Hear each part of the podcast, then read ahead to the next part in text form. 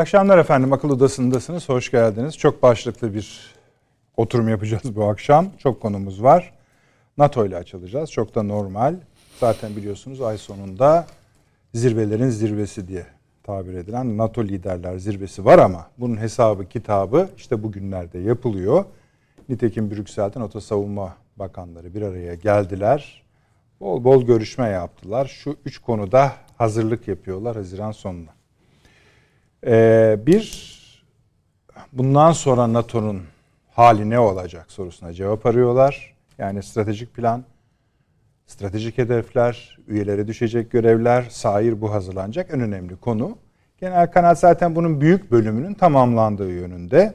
Pek az bilgi gelmekle birlikte kaba hatlarına sahibiz. Birinci konu buydu. İkinci konu Ukrayna meselesi konuşuldu. Bol bol ne yapacağız, ne edeceğiz, yardımlar nasıl olacak falan. Amerika Birleşik Devletleri'nin kendi başkanının ve savunma, e, savunma bakanının açıklamasına göre zaten vereceklerinin çok çok fazlasını vermişler. Orada verdiklerine bakarak bile birden çok savaşı idare edebilecek kadar malzemenin, silahın Ukrayna'ya gittiği söyleniyor. Ama bitmiş mühimmatlarda dahil olmak üzere. Şimdi savunma bakanları Ukrayna'ya destek için hep birlikte söz verdiler. Onu da konuşacağız. Üçüncü konu aslında bu hiyerarşik bir sıralama değil belki de birinci konu bu. İsveç ve Finlandiya'nın ne olacağı konusu. Burada da Türkiye zaten takip ettik son 36 saat içinde görülmemiş derecede yoğun temaslar. Türkiye, Yunanistan, Türkiye, Sırbistan, Fransa, Türkiye, Türkiye, Litvanya, Türkiye, Arnavutluk, Türkiye, Letonya, Türkiye, NATO resmi temas, ee, İtalya ile Almanya ile Genelkurmay Başkanlarının da toplantısı var Balkan ülkelerinde. Ama bunların içinde iki tanesi de var. Yani bunların hepsi önemli. Hep bu konular konuşuldu ama e, Türkiye, Ukrayna, İngiltere toplantısı var üçlü. Bunu çok önemsiyoruz. Bir de şu sıralarda yani bugün esasında Almanya, Fransa, İtalya birlikte Kiev'e gittiler. Çok böyle hani sıcak karşılama olmadı diyelim. Hani çok öyle beklemiyordu Kiev yönetimi ama böyle yani Batı'nın içindeki hatları tarif etmek açısından Almanya, Fransa, İtalya'nın orada işte ne bileyim Türkiye, Ukrayna, İngiltere'nin burada olması bize bir mesaj, en azından şekli bir mesaj veriyor. Yani bir NATO konuşacağız ve konuşulacak üç konuda kritik, Türkiye'yi de çok etkileyecek konular. Ayrı kalem olarak Ukrayna Savaşı'na bakacağız. Mesela Macron dedi ki Rusya'ya artık taviz verin. Amerikalılar da bunu söylüyor. Kiev çok sinirleniyor.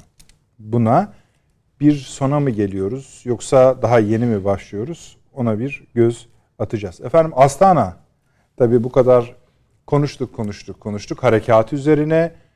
Biliyorsunuz Lavrov buradaydı. Astana'da konuşulur bunlara getirmişti biraz lafa. Astana'da konuşuldu efendim. Bildirisi de bugün yayınlandı. Tabii ki Astana'da İran, Türkiye, Rusya konuştu. Oradan ne çıkıp çıkmadığına bakacağız. Ona göre harekatı da belki bir takvim çizebiliriz. Ee, TÜSİAD konuştu efendim dış politika hakkında bir cümle konuştu. O cümlenin ne demek olduğunu da konuşmak isteriz biz. O tür tartışmaları biliyorsunuz akıl odası çok girmez. Biraz üzerinde ve dışında buluruz akıl odasını. Fakat dış politika konusunda hükümete adlı adınca bir yön vermek biraz garip bir iş. Biz şu tarafından bakmak istiyoruz. TÜSİAD dış politikadan ne anlar? Anlıyor mu anlamıyor mu anlamıyor. Ne anlar onu biraz tercüme etmeye çalışacağız. Önemli bir konu efendim. E, Avrupa Birliği, İsrail, Mısır bir anlaşma imzaladı. Doğalgaz anlaşması imzaladı. biliyorsunuz bu Akdeniz bölgesinde Türkiye'nin de dahil olup olmayacağına ilişkin tartışmalar vardı. Türkiye dahil. Buna bir büyük parantez açmak niyetindeyiz. Ee, bizim hiç yani sıklıkla değiniriz ama yüzeysel olarak Amerika'nın e, ekonomisi üzerine FED en çok bu konuşuldu dün akşam Türkiye'de. Bu Amerika'nın ekonomisi üzerine biraz konuşmak istiyoruz. Çünkü pek iyi gözükmüyor durumları. böyle fantastik şeyler söylemiyoruz. Göçüyor, çöküyor vesaire gibi ama iş hiç öyle iyi gitmiyor hele seçimler varken. Yine Yunanistan var. Neyse uzatmayalım. Ana konularımız belli oldu. Sayın Avni Özgürel hoş geldiniz. Hoş bulduk. Şeref verdiniz. Süleyman Seyfi Hocam hoş geldiniz. Çağrı Erhan Hocam hoş geldiniz. Hoş. Şeref verdiniz. Hasan Köne Hocam. Hoş bulduk sağ olun. Şöyle tersinden başlayalım. Ee, Avni Bey şöyle diyor TÜSİAD.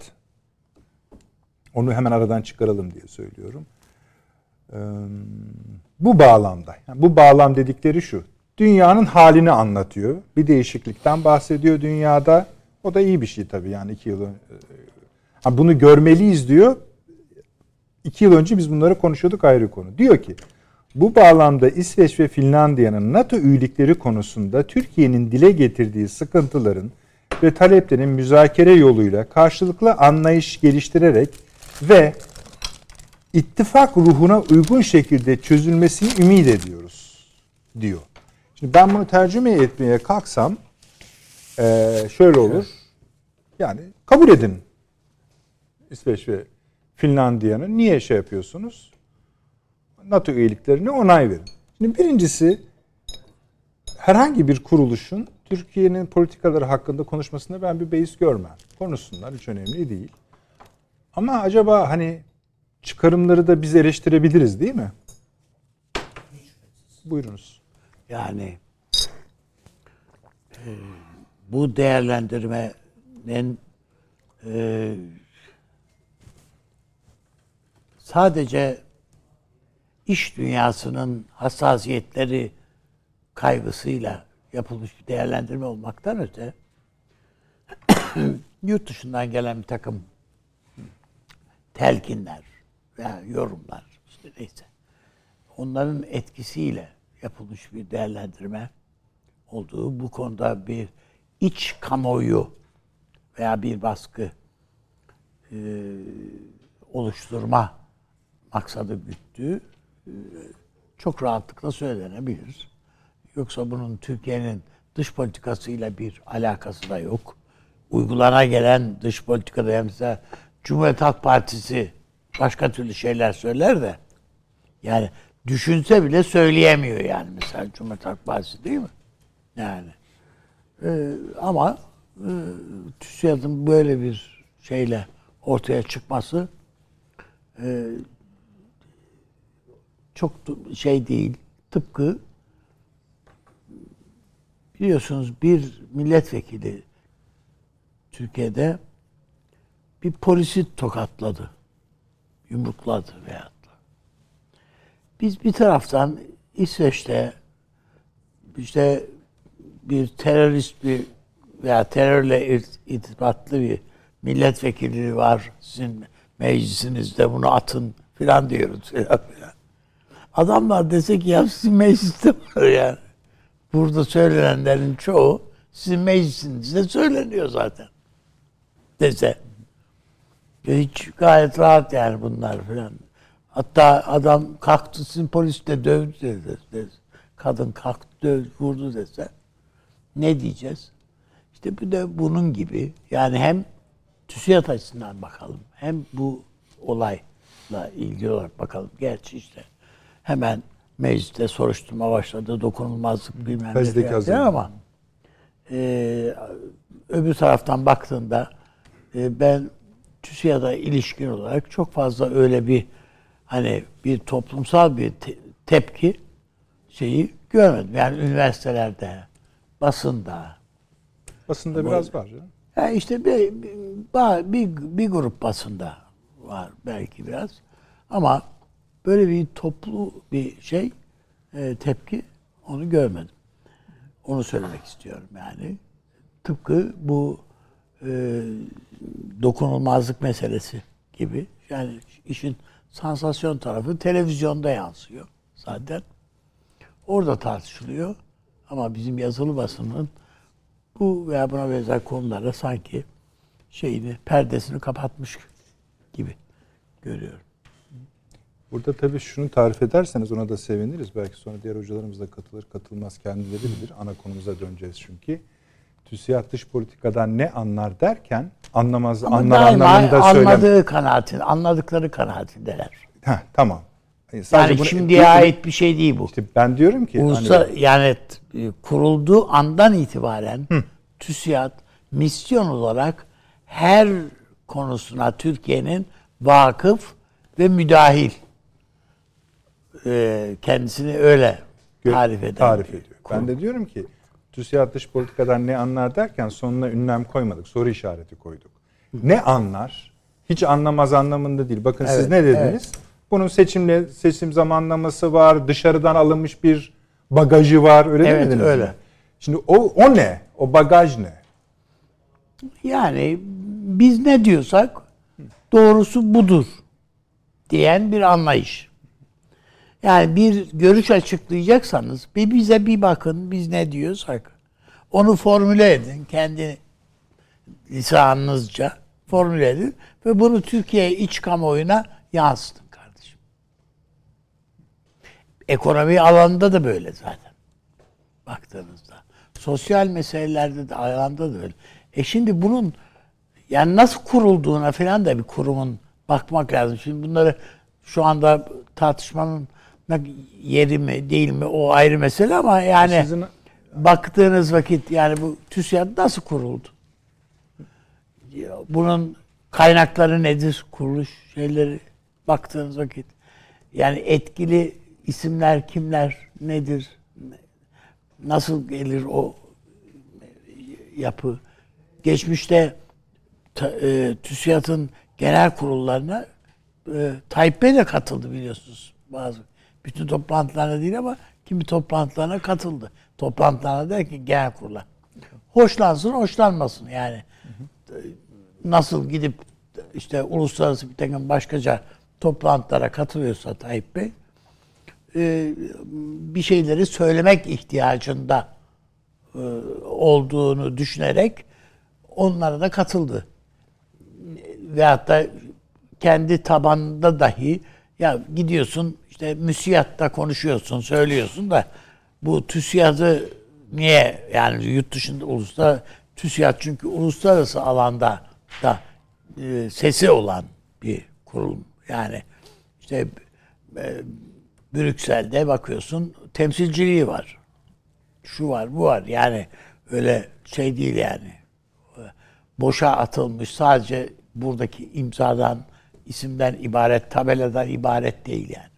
O bakımdan e, Tayyip Bey de önemsemiyor değil yani. Önemsediği için zaten bu konuşma, başkanın yaptığı bu konuşma Tayyip Bey'i rahatsız etti. Çünkü Türkiye Cumhuriyeti'nin izleye geldiği politikanın, uluslararası politikanın, dış politikanın tamamen tersi. Öyle tabii. Evet, o o istikamette. Yoksa iç siyasetle ilgili, mesela ekonomiyle, Ekonomiyle ilgili, ilgili, ha, çok yaşa. ekonomiyle ilgili eleştirilerine hiç üzerinde durmadı yani. Ve hatta üzerine durmadı dediğim yani e, onları şey saymadı. Yani onlar normal yani söyleyebilecekleri şeyler ama dış politika. O yüzden zaten bu sen daha çıraksın şu bu şeyler yani esas Cumhurbaşkanlığı kızdıran şeyler bu e, dış politikaya ilişkin değerlendirmeler, tespitler. Bunların dışarıdan gelen bir takım telkinlerin ışığında dillendirilmiş olabileceği veya o istikamette bir ya bir duyumu var. Yani gerçek bakma yani işte Cumhuriyet Halk Partisi'ni suçladı Cumhurbaşkanı ama ben orada kaynağın yani TÜSİAD'ın da itibar ettiği şeyin e, başkanın da itibar ettiği e, şey e, Cumhuriyet Halk Partisi olduğunu düşünmüyorum açıkçası. Önemli. Şimdi bakın bu metni ben de biraz söylemeye çalıştım. Bu metni okuduğunuzda ben daha bunu hemen bir cümleye düşürürüm. Evet. Yani Evet diyeyim bitsin. yani ABD'den AB'den NATO'dan ayrılmak. O o vektör, rektör şeyden yoldan rotadan ayrılma çıkarırım ben bunu. Evet. Bu başka bir şey. Şimdi ben haksızlık olmasın diye metnin buraya herhalde buraya kadar ekonomiyi eleştirip Evet. bir araya bir paragraf koyup koymadığı belli TÜSİAD. Evet. Okudum. Yani neyi söyle ne anlatıyor bize dünya ile ilgili? TÜSİAD'ın yazdıklarını okudum. Söylenenleri, başkanının söylediklerini okudum. Bir değişimin farkında. Evet. Dünyada bir değişim olduğunu farkında. İşte bu bağlamda diye başladım ya. Hı. Kastettiği bağlam o. Bu bağlamda yani bu dünya değişiyor, dengeler evet. değişiyor, şartlar ama diyor bu rüzgar terse esiyor. Ters esiyor. Evet. Terse esen rüzgardan diyor. Onun için bunu diyor ittifak ruhuna uygun, uygun. şekilde. Evet. Yani yerini seç kardeşim diyor. Ben öyle çıkıyorum. Ya aşağı yukarı yani Hı-hı. işte ama ilk defa söylemiyor bunu. E tamam. Yani TÜSİAD daima bu e, Cumhurbaşkanı Türkiye'nin ilk defa yerini, söylemiyor. Türkiye'nin şeyini de mevkiini, pozisyonunu değiştirmeyin diye siyasi iktidarların hepsine aynı şeyler çıktı. Peki. Hatırlayın yani bunu geçmiş TÜSİAD şeylerini yani hatırlayın Ecevit Sayın Cumhurbaşkanı TÜSİAD de. toplantılarına gitti. Evet. Adamlar içeri girdiğinde ayağa kalkmamak için ayakkabı bağlıyor numarası çektiler. Onlar yayınlandı televizyonlarda hatırlayın. Ya Bunlar neyse önemli değil. Neyse yani, ben bunu yani bu onları onlar var. Onun dışında biliyorsunuz hatırlıyorsunuz yani. yani. Ta Ecevit döneminde hatırlıyorsunuz. Gazete ilanları bilmem Eyvallah. neler şunlar bunlar hepsi var ya. Yani. Aynı bunlar. şey devam Yapılmamış ediyor. değil yani. Peki. Ee, Süleyman Hocam Buyurun. sizinle ana konuya geçmiş olalım ama tabii ki bu konuda söylemek istedikleriniz de olursa dinleriz ayrı konu. Şimdi bir Türkiye yani birçok görüşme yapıldı NATO'da ama bizi ilgilendiren kısmı demiyorum. Hepsi ilgilendiriyor. Ee, İsveç Finlandiya konusunda Türkiye'nin de daha çok konuştular. Yani aslında baskılamaya gayret ettiler. Hepsi de bunu yaptılar. Yapmaya çalışıyorlar. Bir de ilaveten Yunanistan meselesi var. Orada da Almanya biraz Türkiye'nin üzerine gelmek istedi. Türk Dışişleri zaten cevabını verdi.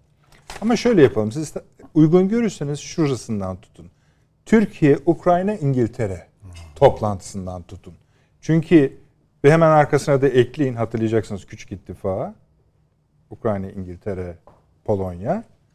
Bu toplantıda ne olmuş? Yani şeyi konuşmadıkları belli bunların. Haziran sonunda stratejisi ne olsun NATO'yu konuşmadıkları belli. Belli evet. ki Ukrayna konuşuldu. Buyurunuz. Estağfurullah. Şimdi e, Üstada sorduğunuz soruyu üzerime alınabilir miyim bilmiyorum tabii mi? ama tabii biraz onunla bağlantılı bu ikinci sorunuza cevap vermek hay hay. istiyorum. Böyle meslek odalarının, baskı gruplarının, menfaat gruplarının memleketi ilgilendiren her konuda e, ilgili olmaları, alakadar olmalarını anlayışla karşılıyorum ve e, desteklediğimi söylemeliyim. Hı hı. Yani işte diyelim ki ya bu TÜSİAD dediğiniz bir ekonomi kurumudur. şey kuruluşudur. Ee, ne işi var bunun şimdi? Siyaseti niye konuşuyor? Böyle diyemeyiz. Yani ya filanca e, efendim söyleyeyim sendika e, ya otur işçi hakları ile ilgilen diğer meseleleri konuşma. Bu böyle bir şey olamaz. Bu zaten dünyada genel kabul görmüş vatandaşlık e, değerleriyle de uyumlu değildir. Yani her vatandaş her şeyle ilgileniyorsa bir takım kuruluşlarda bir şeylerle ilgileneceklerdir. Mesele ilgilenme tarzıdır.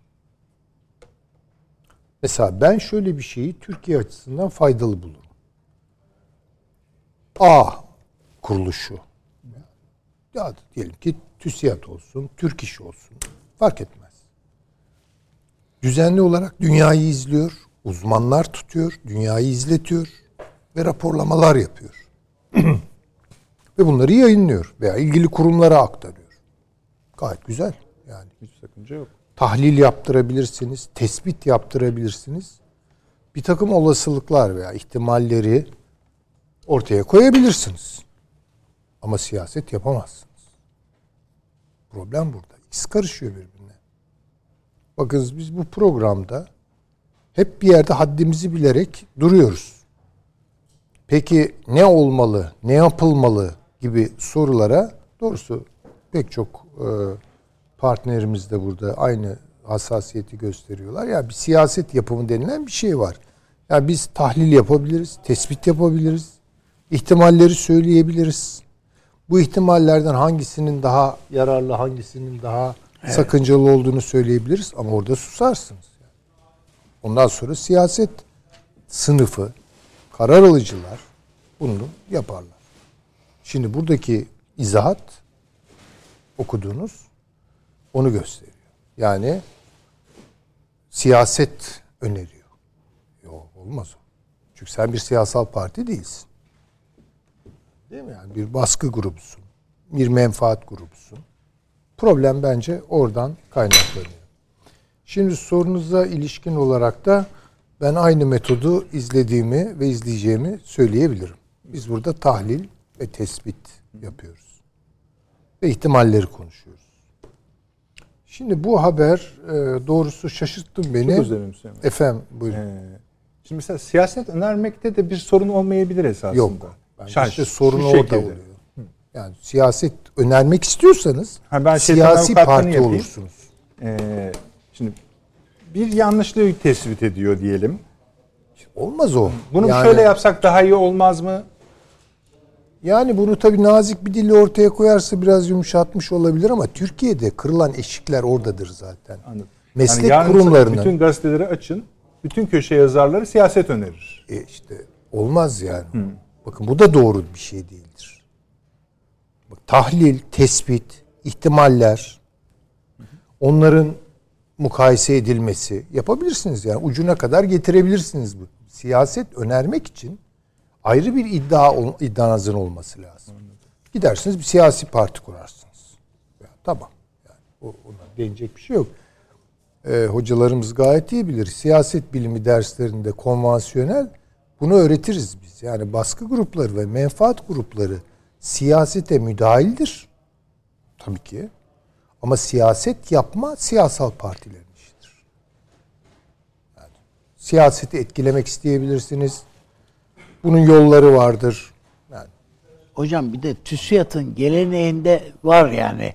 İşte bu olmaz onun o. için demin Ama bu yani sadece bu- TÜSİAD, mimarlar ve mühendisler odası Ay, da bu- bunu Tabii, tabii, yapıyor. öyle. Hepsi e, yapıyorlar gazete yani. re- ilanlarıyla siya- siyasetle kavgaya oturdular. Tabii. Geç- Yani o zaman Geçmişte zaten öyle yani. bir noktaya getiriyorlar Evet. ki yani herkes siyaset yapmaktan kendi işini yapmaya da vakit bulamıyor yani. Bir de böyle asli mevzilerini o falan işte kaybediyorlar. Sizin dediğiniz doğru. Yani herkes kendi işini avukata verip başkasının işini yapıyor zaten İşte Türkiye'de. olmuyor ama yani bu da. Bir de şöyle şur- şuradan da belki e, hakkı biz eleştiri hakkını devam ettirebiliriz. Mesela diyor ki en haklı olduğumuz konularda bile çıkarlarımızı kururken tercih edeceğimiz yöntem amaca varmamızı kolaylaştıracak şekilde formüle edilmelidir. Şimdi hani bire bire yani TÜSİAD bu yani bu mu öneri?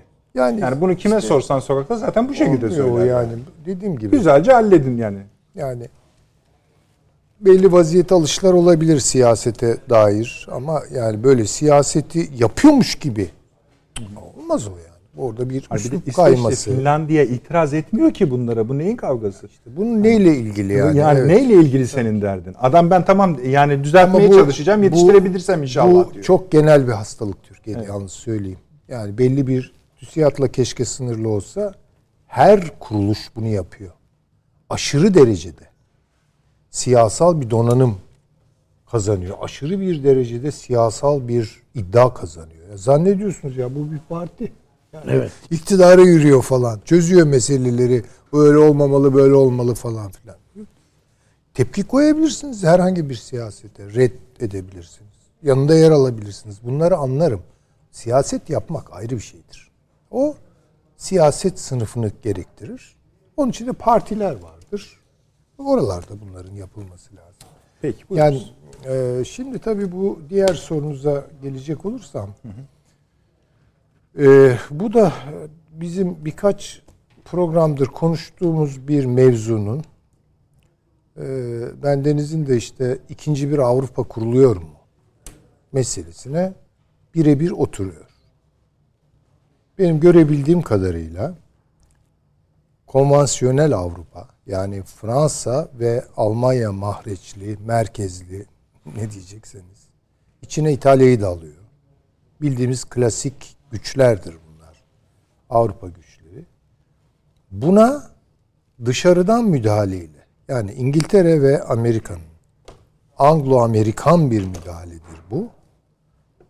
Ket vurma davası var. Aslında bu Ukrayna-Rusya savaşı eğer e, paralel bir zemine aktarılarak düşünülecek olursa üzerinde düşünül, düşünülecek olursa e, Ukrayna-Rusya savaşından veya Batı-Doğu savaşından e, farklı bir Batı-Batı savaşıdır aynı zamanda. Orada iki Avrupa kurulmak istenen yeni bir Avrupa ile konvansiyonel Avrupa bildiğimiz Avrupa arasında bir büyük rekabet, gerilim hatta baş gösteriyor.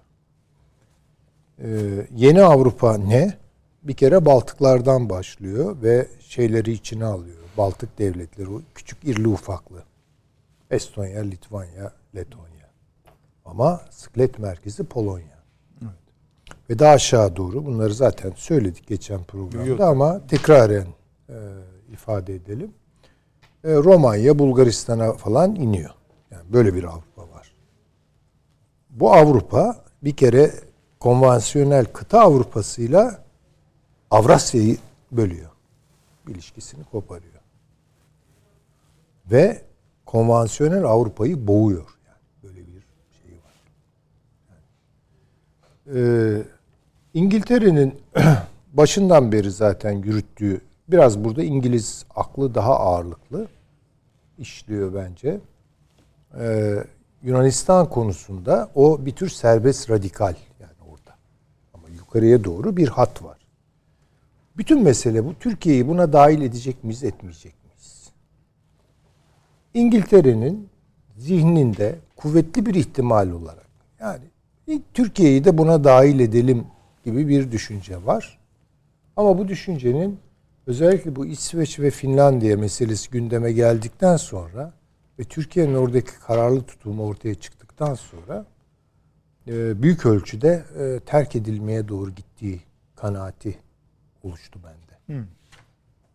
Yani şimdi bu bence son etap.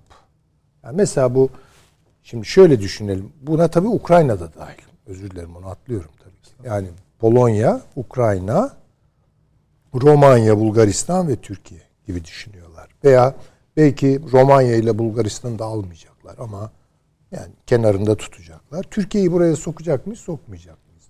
Esas bunun çekirdeği Ukrayna, Polonya. Çekirdek orasıdır. Şimdi böyle bir düşünce var. Bu İngiliz aklında tartışılıyor. Ee, şimdi şöyle söylenmiştir bu toplantıda. Yani muhtemelen. Yani bu İsveç'i ve e, Finlandiya'yı Türkiye NATO'ya aldırmıyor. Yani bunu kullanalım. Bak sen onlara evet de biz de seni bu oluşumun içine katalım. Böyle bir teklif gelmiş olabilir. Bilmiyorum. Ya bu ihtimal konuşulmuş olabilir. Eğer öyleyse şaşırma. Ee, bu yeni Avrupa modeli. Ee, Türkiye'nin bu işe ne kadar gönüllü olup olmadığını bilemiyorum. Onu karar alıcılar kendilerine göre tartışıyorlar herhalde. Ee, şimdiye kadar İngiltere ile Türkiye ilişkileri gayet iyi gitti. Türkiye'yi çok önemsiyor İngiltere. Yani Amerika'nın önemsediğinden çok daha fazla önemsiyor. Ee, veya böyle bir iş bölümü yaptılar. İyi polis, kötü polis gibi. Onu da bilemem. Yani İngilizler dahil olduğu zaman bir işe oradan böyle köşeli sonuç çıkartmak, köşeli değerlendirmeler, keskin değerlendirmeler yapmak bir hayli zorlaşıyor. Ee, bu yeni Avrupa'nın can damarı da E40 su yolu. Onu da geçen şeyde konuştuk. Ama şimdi buna karşı tabii Rusya'nın şeyleri var, rezervleri var. Eğer diyorum ki yani bu e, şeyde düşerse, Odessa falan da düşerse, e, İngiltere'nin bu projesi de yatar. Bir anlamı yok yani. Çünkü bütün mesele Baltık'la Karadeniz'i birleştirmek.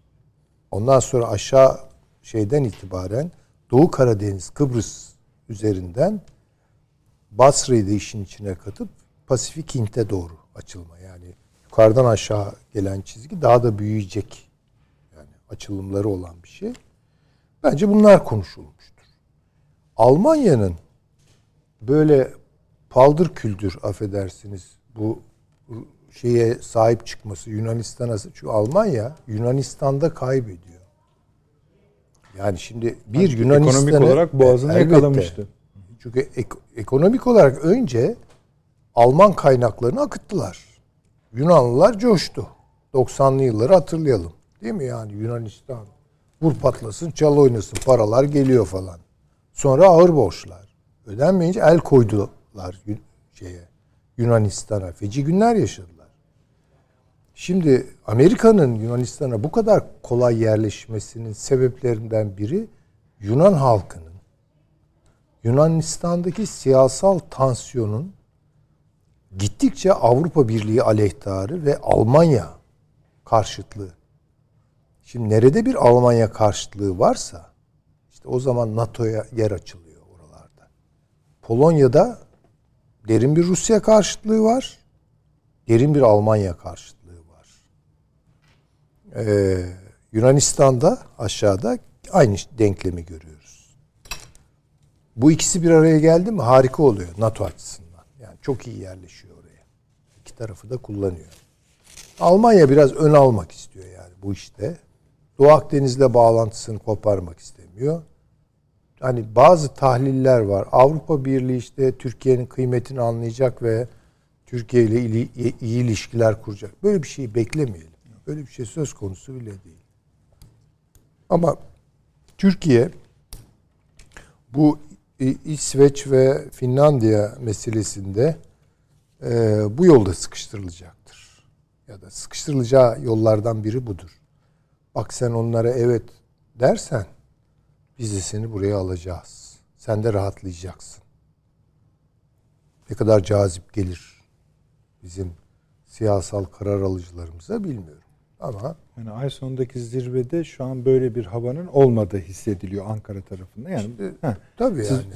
Ne Tersi düşünüyorsunuz de bu konuda? işte bilemiyorum yani çok şey söyleyemiyorum, öngörüde bulunamıyorum ama Türkiye burada kararlılığını devam ettirirse böyle bir Avrupa'da yeri yok.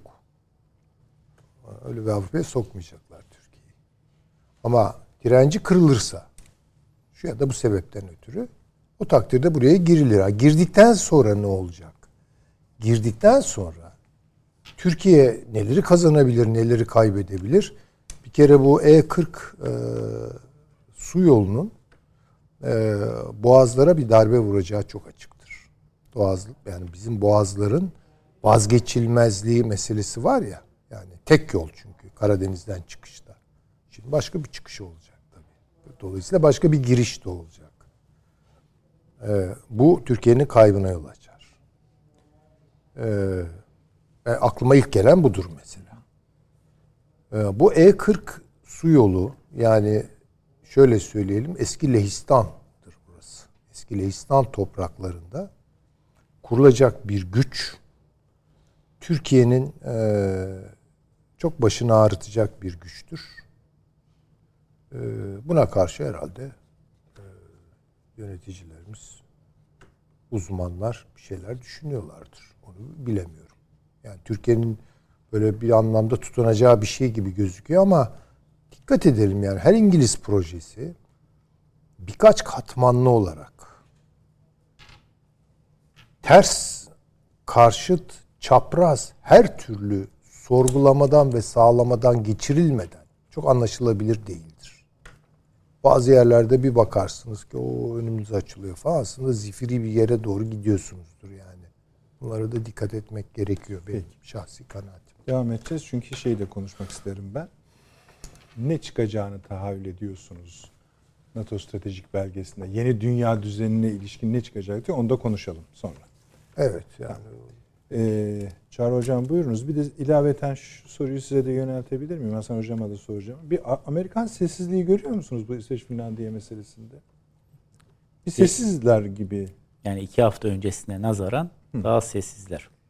Çünkü onlar da bütün dünya gibi aslında son bir haftadır özellikle şu ekonomiye kilitlendiler. Ha, o nedenle. Farkındaysanız. Yani biz nasıl heyecanlandıysak onlar daha heyecanlı. 30 yıldır ilk defa 0.75 bas puan faiz arttırdı. İnanılmaz bir şey. Evet. Ee, eski Merkez Bankası Başkanı gelen de Maliye Bakanı koltuğunda yani Hazine Bakanı Hazine koltuğunda Bakanı. oturur iken oldu bu hadise. Demek ki belki de biraz böyle Hem Merkez. Bankası Başkanı hem Hazine daha yakın Bakanı. bir zamanda Yani- yüzde el- yani 50 baz puan diyen de aynı adam.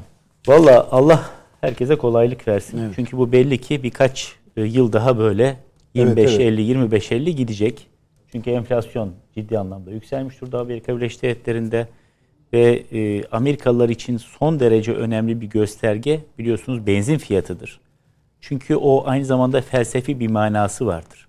Mesela toplu taşımaya e, yan gözle bakar Amerikalılar. Çünkü araba özgürlük demektir Amerikalı için.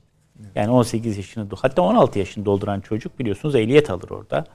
E, ve o özgürce o büyük ülkede sağa sola gitmek e, son derece önemlidir ama benzin fiyatının galonu şu anda 5 dolar olunca ki hocam sayesinde 1995'te ilk defa bir burs vermiştiniz hocam hatırlıyor musunuz? Sasakawa bursu vardı bizim mektepte. Tokyo Vakfı bursu. Hocam da komisyon başkanıydı. Ben asistanım da. Bir burs verdi. 95'te Amerika'ya gittim. Bir galon yani 3.8 litre benzin 80 sentti. İki sene sonra bir daha gittim. Bir dolar oldu kıyamet koptu Amerika'da. Nasıl olur? Bir galon benzin bir dolar. Şimdi bugün 5 dolar. Ve bu tabii Amerikalılar açısından zaten sokağa yansımasını görüyorsunuz. Bundan 30 yıl evvel televizyonlarda reklamlar vardı. Bir tarafta bir Amerikan arabasını koyuyor reklamda. Zaten altında yazıyor. Amerikan Otomobil Sanayicileri Birliği. Reklamı veren herhangi bir Amerikan firması değil. Sanayiciler Birliği. Bir Amerikan arabası koyuyor. Öbür tarafa da bir Japon arabası koyuyor. İkisinin üzerine birden aynı anda ağırlık bırakıyor. Japon arabası tabii eziliyor. Amerikan arabasına bir şey yok gördünüz mü diyor. İşte o yüzden Amerikan arabasını almanız lazım. Amerika'da herkes Japon arabasına biniyor şu anda. Çünkü benzin fiyatları bu kadar yükselince kimse o 6 sinirli, 8 sinirli arabaları kaldırabilecek durumda değil. Bu son derece ciddi etkileri olacak Çok. siyasete. Ben ikisinin konuşmasını o da sebeple- kesiyorum ama öz, affedersiniz. Hani onları izleyicilerimize de paylaşmak adına kesiyorum. Sizi kesmiyorum esasında. Her ikisinin konuşmasını da ben canlı dinledim. Evet. Üç şey söylüyorlar. Bu enflasyon, artan enflasyon çok korkutucudur. Başka ülkelerinkine benzemez. Etkileri daha hem derin olur hem yaygın olur. Hem de küresel olur. İşte onu söylüyor. Yaygından kastı o. Bu petrol fiyatları muhakkak halledilmelidir. Muhakkak. Enerji sizin bahsettiğiniz. Üç, üçüncü sebep olarak da bu Çin'deki kapanmaları söylüyorlar. Yani salgın nedeniyle. Bunun da çok etkili oldu. E, Program başında söylemiştim. Bu petrol şirketlerine hani ABD başkanlarını ya da siyasetçilerinde alışık olmadığımız derecede başkanın sert konuşması şöyle bir ifade kullandı. Bizde ayıp say öyle bir şey yok. Dedi ki Tanrı'dan çok kazanıyorsunuz dedi. ABD başkanı. Tanrı'dan çok kazanıyorsunuz. Doğal olarak yani onlar da Tanrı, inadınaymış gibi Doların üstündeki Tanrı herhalde değil mi? öyle diyor. Ona Trust söylüyorsunuz siz. Ee, şeyi açıkladılar. Çeyrekteki karını, şeyi Exxon'u birinci sırada söyledi ABD Başkanı. O da karını, çeyrek karını açıkladı. 10 milyar Amerikan doları. Yani bu da dörtte çarpın yani her şey yolunda giderse ne hale geleceğini. Üst bir de şimdi şeye gidiyor biliyorsunuz Suudi Arabistan'a. Normalde Evet. gitmeyecek adam. Ee, bunların hepsini topladığınızda genel bir Amerikan ekonomisi üzerine de biraz konuşursanız iyi olur. Hocamdan da aynısını isteyeceğim. Tabii ana konumuzdan tabii, uzaklaşmadan yok, yok, hayır. bir cümleyle Müsaitiz ama. e, belki benim kabahatim o şey açtım o e, dünkü açıklamayı. E, Amerika Birleşik Devletleri ekonomisi e, bütün dünyayı etkileyecek kadar büyük bir ekonomi. Dünyanın hala en büyük ekonomisi ve Amerika işte nezle olsa dünya grip olur. E, ve bu 100 yıldır da böyle.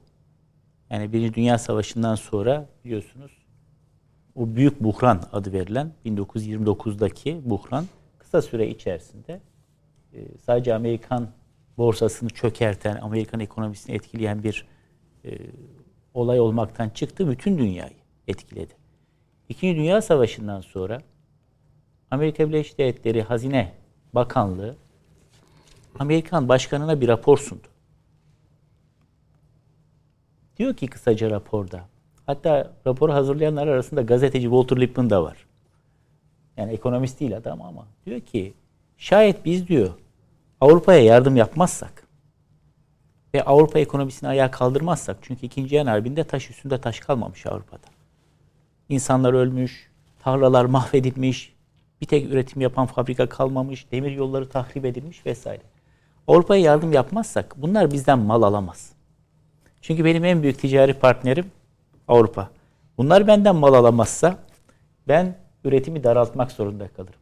Üretimi daraltırsam insanlar işsiz kalır ve biz bir daha Birinci Dünya Savaşı'nın sonundaki o 1929'daki bunalımı yaşarız. Biz bu bunalımı yaşarsak bütün dünya yaşar ve dünyaya komünistler hakim olur. O sebeple bu Avrupalılara yardım yapalım. İşte meşhur o Amerikan Marshall. Dışişleri Bakanı evet. Marshall'in adıyla anılan o 1947'de ilan ettiği Harvard Üniversitesi'nde meşhur nutukuyla yardım böyle başlıyor. Bugün de aşağı yukarı aynı noktadayız. Yani Amerikan ekonomisinin çökmesi demek Amerika'nın iş yaptığı ülkelerle alışverişinin menfi etkilenmesi demek. Amerika'da bir ekonomik daralma olursa mal almaz. Ve Amerika dünyanın en büyük biliyorsunuz tüketicisi. Dünyanın en büyük üreticisi Çin fabrika ama dünyanın en büyük tüketicisi hala Amerika Birleşik Devletleri. Dünya yakıtının da en büyük tüketicisi Amerika Birleşik Devletleri. Dolayısıyla bu her şeyi alt üst edebilir ve bu bumerang gibi döner sonra Amerika'yı da vurur. Ve beraberinde de bu ekonomik krizin derinleşmesi Amerikalıların en korktuğu şeyi gündeme getirebilir. Ne o? SSC. Siyasi siyasi, ha, siyasi yarılma. E Kasım. E şimdi şimdi Kasım'daki bir seçim. Dört yılda bir, hatta iki yılda bir bu bir ara seçim. Bu tür şeyleri biz görüyoruz. Fakat biz geçen sene Ocak ayında Amerikan tarihinde benzerine az rastlanan bir başka hadise yaşadık. Amerikan Kongresi basıldı ve gerisinde bunun ee, öyle yok. Seçimde hile yapılmış. Trump'ın elinden başkanlık alınmış tartışmasının ötesinde Amerikan siyasetine, Amerikan birlik düşüncesine duyulan bir nefretin de dışa vurumunu gördük. Ve hep böyle halı altına süpürülür gündeme geldikçe. Açık açık da konuşmak çok istemezler. Ama aslında bütün Amerikan devlet adamlarının kafasının gerisinde en büyük korkuları 1861-65 o iç savaşa benzer bir büyük ayrışmanın bir kez daha yaşanması. Öyle kölelikle falan ilgisi yok hadise. Yani işte bir taraf köleleri seviyormuş, o taraf sevmiyormuş. Değil. Tamamen iktisadi bir hadise. Bu taraf tarım toplumu biliyorsunuz ve köle çalıştırıyorlar. Onları toplamak için pamuk ve tütünü. Kuzeyde ise kölelerin serbest olması lazım ki ucuza, karın tokluğuna fabrikada çalışabilsinler. Ve baskı yapıyor kuzey güneye. Serbest bırakın bunları, serbest bırakın bunlar kuzeye gelsinler. Ben de onları parya gibi çalıştırayım. Yoksa kimse evet. köleleri ya da siyahi Amerikalıları falan düşünüyor değil o dönemde. Ve bugün çok daha tehlikeli bir ortamdayız. Çünkü pek çok Amerikan eyaletinde, hocam mesela Kaliforniya'yı çok iyi bilir. E, İspanyol kökenliler Vaspların çok çok önündeler. Yani Anglo-Saksonlar artı İtalyanlar. Dan daha fazla Hispanik kökenli var Kaliforniya'da, Florida'da, pek çok güney eyaletinde ve bu kesimler de toplumun aslında dar gelirli en fazla işte orta gelirli kesimini temsil ediyor. Yani en fazla bu ekonomik krizden bunlar etkilenecekler. Dolayısıyla Amerika'nın gündemi şu an ve bundan sonra da epeyce uzunca bir süre. Herhalde bu olacak. O sebeple de ben bu Ukrayna meselesinde e, Rusya'nın içinde bulunduğu durumun Rusya'yı daha da böyle dışarıya karşı pervasız kılmasından dolayı yaşadıkları ekonomik krizin derinleşebileceğini, derinleşebileceğini düşündüklerinden Ukrayna'nın taviz vermesini, Rusya'ya işte toprak vermesini falan söylemeye başladılar Amerikalılar. Yani yumuşuyorlar, esniyorlar diyorsunuz. Ee, daha mantıklı belki de hareket ediyorlar. Yani Peki, başlangıçta tamam. yaptıkları işin sonuçları ne olacağını hesap edilemediğini evet. bugün görüyoruz. Hesap etmemişler bunu. Ee, bu çerçevede isterseniz biraz bu yaklaşmakta olan zirvede neler ele alınacak hay hay. o konuya hay hay. girelim. Sonra da ben bağlarken TÜSİAD'la ilgili ben de bir iki cümle söylemek istiyorum. E, zirvenin tabii 24 Şubat'ta Putin o saldırı emrini vermemiş olsaydı zirvenin en önemli konusu NATO'nun yeni stratejik konsepti. Bir önceki stratejik konsept 2010 yılında yürürlüğe sokulmuştu. Ondan önceki de 1999'da yürürlüğe sokulmuştu. Demek ki Berlin Duvarı'nın yıkılmasından sonraki üçüncü büyük stratejik konsepti hazırladılar. Ee, NATO Genel Sekreterinin talimatıyla oluşturulan bir uzmanlar grubu oturdu. Aylarca çalıştı. ve 2030 hedefleri diye bir e, güzelce de bir e, stratejik konsept taslağı hazırladı. Bu anlamda bir savunma örgütünün ötesine aslında NATO'yu taşımaktaydı. Bir nevi postmodern küresel güvenlik örgütüne NATO'yu dövüştürmekteydi. Çünkü klasik bir askeri ittifakın konuları arasına girmeyen pandemiyle Biraz naif mücadelede bulunmuştu hatırlıyorsunuz. çok. Yani pandemiyle mücadele eden, yani salgın hastalıkla mücadeleyle ne alakası var bir askeri ittifakın ama o da var. Gıda kriziyle mücadeleye, enerji güvenliğinden kadın erkek eşitliğine, ekonomik meselelerle mücadeleye kadar pek çok konuyu buraya sokuşturmuşlar. Ha bir yerinde de yazıyor. NATO'nun vazgeçilmesi 5. maddedir. Yani içimizden birine bir saldırı vuku bulursa hep beraber mukabele ederiz. Onu da koymuş oraya ama böyle geniş kapsamlı bir küresel güvenlik örgütüne e, dönüştürmekteydi. Çin'den bahsetmekteydi. işte Rusya'dan bahsetmekteydi. Şimdi tabii bütün bunların e, anlamı eskiye nazaran daha az. Çünkü açık bir şekilde görüldü ki NATO gibi ittifakların, NATO gibi demeyelim bir tane zaten o kolektif güvenlik örgütünün böyle bir refleksi şu ana kadar oluşmadı. NATO'nun asıl amacı, kuruluş amacı üyelerine yapılacak olan saldırıyı yani kağıt üzerinde en azından. Yoksa bana sorarsanız asıl kuruluş amacı Avrupa'yı Amerika'nın kontrol etmesi. Yani siyasi olarak da askeri olarak da iktisadi olarak da kontrol etmesi. Ama kağıt üzerinde en azından 51. maddeye atıf yapmaktadır. Nedir? Bir saldırıya karşı üyelerini korumak. Şimdi buna tekrar gönderme yapıldığını görüyoruz. Ve o yüzden zirvelerin zirvesi deniliyor. İkinci Dünya Savaşı'ndan sonra ilk defa NATO en azından bazı üyeleri NATO'nun bu bölgeye sınırı olan ülkeler, Baltık ülkeleri, Polonya e, bunlar kendilerinin tehdit altında olduğunu dillendiriyorlar ve kendilerine dönük güvenlik tedbirlerinin, savunma önceliklerinin artırılmasını dile getiriyorlar. Ben son birkaç gündür şöyle bir uluslararası alanda e, tezgahın döndürüldüğünü görüyorum. Bu daha evvel de oldu. Mesela dün Hollanda Başbakanı bir açıklama yaptı. Dikkatinizi çekti mi? Ya diyor Türkler ne söylerse söylerse söylesinler. Eninde sonunda bu Madrid Evet, zirvesinde daha sonra değil. Bu zirvede dedi İsveç'le Finlandiya üye olacak dedi. Şimdi nasıl olacak ben hayır dediğim zaman? Ya bu adam eninde sonunda Türkiye'nin ikna edileceğini düşünüyor. Olabilir. Ya da tahrik etmek için böyle bir şey söylüyor. Bence tahrik etmek için hocam. Yani hadi bakalım yapabiliyorsan yap. Falan. Çünkü biliyorsunuz Hollanda, Hollanda memleketimize çok dostane hisler Yani çok beslemeyen. ciddi tarım yatırımları olan bir ülke Türkiye'de. Çok yani birinci sırada. Evet.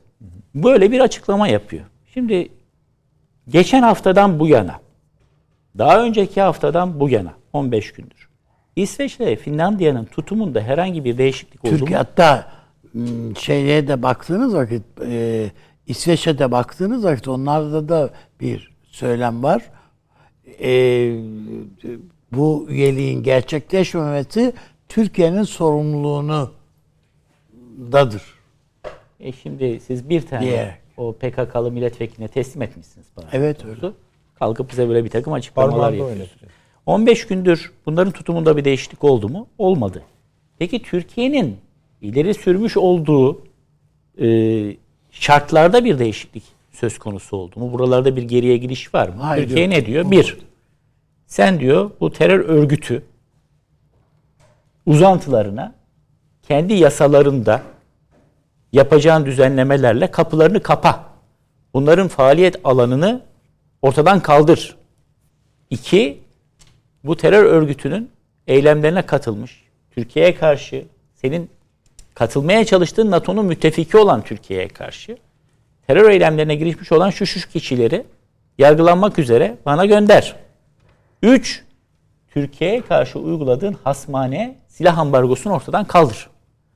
Bu konularda bırakın bir somut adımı. Söylemde dahi tamam bunları yapacağız şeklinde bir açıklama geldi mi? Gelebilen şu ana kadar gelebilen en yumuşak açıklama bizi bir alın sonra bakarız. Biz anlıyoruz sizin endişelerinizi. Sonra bakarız. Ya bu sonra bakarızla bizi daha kaç defa kandıracaksınız ya? Yani son 50 senedir bizi kaç defa kandıracaksınız? Bu sonra bakızlarla. Yani en son ben Danimarka Başbakanıydı. Sonra bizim oylarımızla NATO Genel Sekreteri oldu. Rasmussen Rasmus. 2002'deki Kopenhag zirvesinde AK Parti daha yeni seçilmiş. O zaman Abdullah Gül Başbakan oraya gidiyor. O zirvede koridorda yanında Almanya Dışişleri Bakanı'na söylerken dudak okuma yöntemiyle Danimarka televizyonu yazıyor. Şimdi soruyor Almanya Dışişleri Bakanı Rasmussen'e. Türkiye'yi ne yapacağız? Çok veciz bir ifade. Önce uyutacağız sonra unutacağız dedi adam. Bunu diyen adamı biz NATO Genel Sekreteri yaptık ya. Yapmayacağız, yapmayacağız, yapmayacağız dedikten sonra yaptık. O yüzden Sayın Cumhurbaşkanı geçmişteki hükümetlerin yaptığı hataları düşmemeliyiz diyor. Ve gerçekten de bizi öyle bir uyuttular ki Kıbrıs Rum kesimi Avrupa Birliği üyesi oldu. Türkiye buna hayır deseydi olabilir miydi? Bize dediler ki ya itiraz etme. İlk önce biz ne diyorduk? Arkadaşlar Londra ve Zürih anlaşmalarına göre, ittifak anlaşmasına göre yazıyor orada. Adam yazmış zamanında Allah rahmet eylesin Ganigen'i. Fatih Rüştü Zorlu. Türkiye ve Yunanistan'ın birlikte üye olmadığı hiçbir uluslararası örgüte tek Üye başına ya da parça halinde Kıbrıs üye olamaz diyor. Ya bu vizyona sahip olan bir adammış rahmetli. Astı bu devlet. Değil mi? O Milli Birlik Komitesi bu Dışişleri Evet. Bakanı şehit etti. Şimdi buraya koydurmuş. Buna rağmen Kıbrıs Rum kesimi Avrupa Birliği'ne üye oldu. Nasıl oldu? O tarihte bize verilen sözlerin hiçbiri de tutulmadı. Arkasından yıllar geçti. Avrupa Birliği dedi ki ya şu Suriyeli sığınmacıları sen bir idare et. Kendi içinde bana yollama. Vizeleri de düzelteceğim. İçeri alacağım seni. Gümrük Birliği'ni de iyileştireceğim. E bunun da üzerinden bir 10 sene geçti. Serbest dolaşım falan. 2003 aralığıdır. Şey 2013 aralığı 9 sene geçmiş. Bunun da üzerinden. Şimdi burada da diyor ki siz bizi bir yaparsın. alın sonra bakarız. Böyle bir şey yok. Dolayısıyla e, Yine devam edeceğiz. TÜSİAD'ın o cümlesinde Onu- geçen tabii, onu hadise işte bunu kendi aranızda görüşmelerle halledin. E, şunu fark etmediler herhalde ya da fark edip de fark etmezden geliyorlar. Bu Türkiye'nin bir hayati meselesi. Yani lalet dahi bir mesele değil. Mesela efendim işte e, otomobil lastiğine uygulanan gümrük e, haddini biz tartışmıyoruz. Burada tartıştığımız gümrük tarifesi değil. E biz içeri girelim de bunlar e, sıradan meseleler daha sonra hallederiz gibi ele alınacak bir konu değil. Ama ben bu noktada biraz farklı da bakıyorum. Onu da ifade edip susacağım.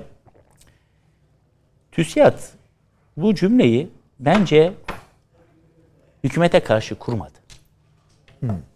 Burada sinyali aslında ABD'ye ve Avrupa Birliği'ne veriyor. Neden böyle düşündünüz?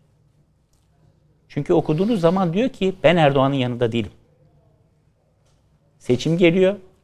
Beni sakın aynı kefeye koyma. Senin aldığın bir takım tedbirler benim ticari çıkarlarıma zarar veriyor. Türkiye'ye karşı bir eylem ve söylem içerisinde olduğun zaman beni hükümetten tefrik et. Benim çıkarlarıma zarar verme. Çünkü sonuç itibariyle TÜSİAD bir dernektir. Bunun kamuoyundaki adı Patronlar Kulübü'dür.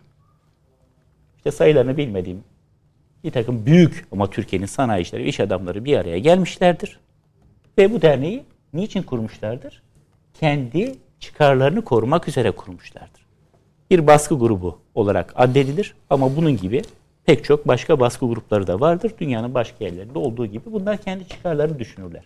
Mesela az önce Avni abinin Süleyman Hoca'nın atıf yaptığı TÜSİAD'ın zamanında gazete ilanlarıyla Ecevit politikasını etkilemeye çalıştığı bir dönem vardır biliyorsunuz. Evet. O dönemki TÜSİAD Türkiye'nin ortak pazara girişine karşı çıkmıştır. Gazete ilanlarıyla. Tabii. Sakın ha.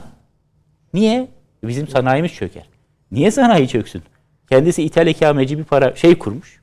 Sistem Kendi kurmuş. satıyor. Kendi İşte malını istediği fiyattan tabii. satıyor. Herhangi bir Kalitesi de kalite çok önemli, değil mi? Aynı TÜSİAD 2000'lerin başında meclisin önüne bir saat koydu geriye sayan. Bir an önce reformları yapın Avrupa Birliği'ne bize sokun diye. O yüzden zaman içerisinde kendi menfaati ne gerektiriyorsa evvelki siyasetinden farklı bir tutum içerisine de girebilir. Ben bunu böyle okuyorum. Bu mesaj hükümete verilen bir mesajdan ziyade dışarıya verilen bir mesajdır. Tarafını belli etme mesajıdır. Ben bu iki ülkenin ABD'nin istediği doğrultuda Avrupa e, NATO'ya girmesinden yanayım. Ben buradayım. Burada değilim diyor. Bunu Washington'a böyle bir sinyal gönderiyor. Ee, şeyin e, Avrupa Birliği, Avrupa'nın ve ABD'nin gerçekliği konusunda yanıldığını düşünüyor musunuz? Yani çünkü onlara göre mesela diyor ki Avrupa Birliği hemen devam etmelidir vesaire. Aynı yoldayız diyorlar. Ama şey NATO'yu öyle tarif ediyor, ABD'yi öyle tarif ediyor. Yani daha önceki satırlarından bahsediyorum. Yani bu böylesi bir kuruluşun hani Süleyman Hoca diyor ya siyasete karışmak başka bir şeydir. Tamam peki öyle olsun ama durumu anlamama gibi bir halleri olabilir mi gerçekten? TÜSİAD kurulduğu günden beri bu kadar hala gündemdeyse iki sebebi var. Biri ayrılanlar oldu, girenler oldu falan ama ana omurga hiç değişmedi. Yani baktığınız zaman Türkiye'nin en fazla üreten, en fazla işçi istihdam eden, en fazla vergi ödeyen kuruluşların bir bölümünü, büyük bir bölümünü içeriyor burası. Bunu görüyoruz. İkincisi de böyle kritik anlarda kritik çıkışlar yapıyorlar. Yani her zaman da hükümetler son 20 sene içerisinde birkaç kez de e, şey yaptı, çatıştılar ama geçmişte de var. Özal döneminde de var benzeri hadiseler. Karşılık veriyor buna. Karşılık verdikse o, o da varlık nedenini sağlamlaştırıyor bence. Yani aslında hükümetlerin de işine geliyor e, belki biraz bu TÜSİAD'a ders verme. Çünkü toplumun geniş kesimlerini çok temsil etmeyen bir söylem içerisinde olduklarını da biliyoruz. Peki. Ee, Hasan Hocam e, uzun konuşacağız. Her iki konuyu da konuşacağız. Bir reklam için izin verir misiniz? Tabii Onu lütfen. aradan çıkaralım. Ondan sonra çok uzun bir süre önümüz rahat. Arkadaşlarımız hemen girsinler reklamı. Kısadır efendim. Konularımız önemli. Hemen geliyoruz. Devam ediyoruz efendim. Akıl Odası'ndasınız. Hasan hocamızla devam edeceğiz. Bu arada reklam arasında şöyle bir dedikodu yaptık. Dedikodu ama. Ee, Suudi Arabistan Peris, e, Veliaht Prensi'nin yarın Türkiye'de olup olmayacağına ilişkin dedikodu yaptık. O kadar söyleyelim. Olursa ayrıca konuşuruz. Hasan Hocam bir e, tabii NATO meselesi, üç tane NATO meselesi var. Üçünde de konuşabilirsiniz. İki, bu Amerika Birleşik Devletleri'ne de bir hani durum hakkında biraz bizi anlatın. Çünkü bu ekonomik krizin geleceğini Amerika merkezli olarak geleceğini bayağıdır söyledik biz. Yani söyledik deyince de hani hep öyle değil yani ben değil zaten. Buradaki hocalarımız, konuklarımız üzerinde sıkı durdular. Demek ki bir şey varmış bu hale geldiğine göre. Bu 75 baz puan dediniz. Konuşurken dedi ki Merkez Bankası bir sonraki de bir sonraki de dedi. Yani eklene eklene gidiyor. Buyurunuz. Ben şeyi okumuştum. Eski FED Başkanı Bernanke'nin görüşleri vardı. Diyor ki belki diyor faiz arttırarak e, daha yumuşak bir çıkış olabilir tarzında. Demek ki bayağı zor bir durum var. Çünkü resesyona doğru gidiyordu Amerika. Ve çoğu Amerikalı yazar da diyor ki bu Obama'yı getiren 2008-2009 yıllarındaki ekonomik duruma benziyor. Biliyorsunuz şeye basmışlardı. Ee, mali merkezi olan Amerika'nın Wall Street'i bastılar. Oradaki şeyleri, banka sistemlerini falan onun da simgesi bir boğadır böyle yatırımcı. Ve bir sürü insan iflas etti. Ee, bankalardan iflaslar oldu. Tanınmış yatırım şirketleri battı falan filan. JP Morgan falan filan. JP Morgan gitti. Türkiye'den de parasını o tür şeylere yatıranlar epeyce para kaybettiler. Sonra toparlamaya çalıştılar filan. Fakat e, 2008 krizinden evvel ben şunu hatırlıyorum. Amerika Güneydoğu Asya'da üretim metotlarını değiştirdi. Yani şöyle yapıyordu. Araba lastiğini Tayvan'a, araba camını gene Asya'da başka bir ülkeye, e, motor kısmını e, daha başka bir ülkeye ve kaporta bilmem ne sonra getirip ucuz işçilik olduğu için şeyde birleştiriyordu.